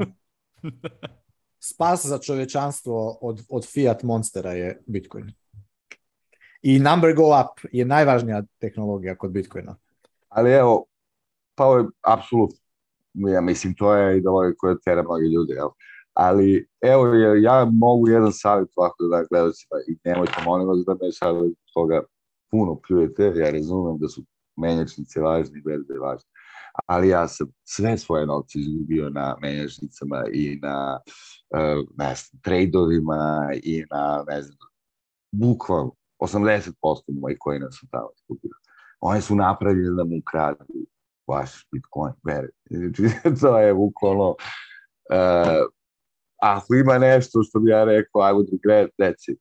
I would regret trading, fuck it. I'm stupid for trading. Ja sam glup, ja nemam, mislim, ne, razumem su te analize ili šta već. Ali čoveč, ne pogrešio sam uvijek izgubio novac. Tako da ne odvajite se svojih kojina ako ne znate šta radite. Da, i to je ono, uvek kad imaš trusted third party, uvek će to ono biti sigurnosni potencijalni propust, što kaže Nick Zabo, tako da ovaj, pitanje je da li Bitcoin napravljen da tako funkcioniše sa tim centralizovanim sistemima. Kad si već pomenuo Zabo, samo preporuka za knjigu za sve ljude Origin of Money od Ike Sabova, izvanredna knjiga o antropologiji, Znači, ne toliko o tehnologiji, nego antropološke strane gledano šta je vrednost, šta je novac i kroz istoriju. Znam da ste vi sad na ove Save knjige naučeni, ali one su samo prepisane knjige mnogo ovih starih autora koji su malo više, moramo sa više, kako kažem, sa više koncepata to da sagledamo. Ne možemo gledati samo tehnološki Bitcoin, niti, je, niti mu činimo good ako ga samo gledamo kao tehnološku igračku je, to nije, to, su, to je skup ideja, mislim, koji se razvijaju, koji kuvaju ljudima, koje su e, napravljeni na drugim osnovama, onda tu postoje antropologija, istorija, e, istorija, da kažem, istorija kulture, istorija novca, evolucije, to su povezane stvari i ne treba smatrati Bitcoin kao iPhone, jel, nekim tehnološkim gadgetom koji će da nas enable, to nije tako to je sistem, totalno novi sistem, više ga treba posmatrati možda kao internet, nego kao iPhone. U tom nekom, u tom nekom poređenju, da kažem, za, za mlađi ljudi. Odlično. Slažem se, da. Ovaj... Ne papati, jer evo upravo nama mitinzi dolaze, Pavle, tako. Da, pa ja imam hard stop u 12, ali ovaj, evo, samo ovaj, ako možemo Darvino dobiti obećanje još neki put da nam dođe pa da ovaj, malo ove teme da. baš tehnološke, ekonomske, ovo zagrebemo baš onako bi bilo dobro. Sad smo načeli ovo sa Cyberpunkom i dali smo, dali smo taj neki ono kontekst ljudima, ali mislim da možda i nas trojica malo moramo to bolje strukturu nekako srediti da bi baš ono bilo deep dive recimo, da damo osnovu. Evo, dali smo sad ovo Cyberpunk, dali smo ideje interneta, meni to super i mislim da će to biti ako u nekoj narednoj eto može da se ovaj pridružiš Arvine, bilo bi odlično da pokrijemo još te neke mogu. teme. Hvala ti, naravno, hvala ti puno. Naravno, naravno, mogu. Hvala vam puno i na pozivu i kažem vam, gledajte širu sliku već Bitcoina. Jako je važno šira slika, zbog nje on postoji, zbog nje on radi. Da, da.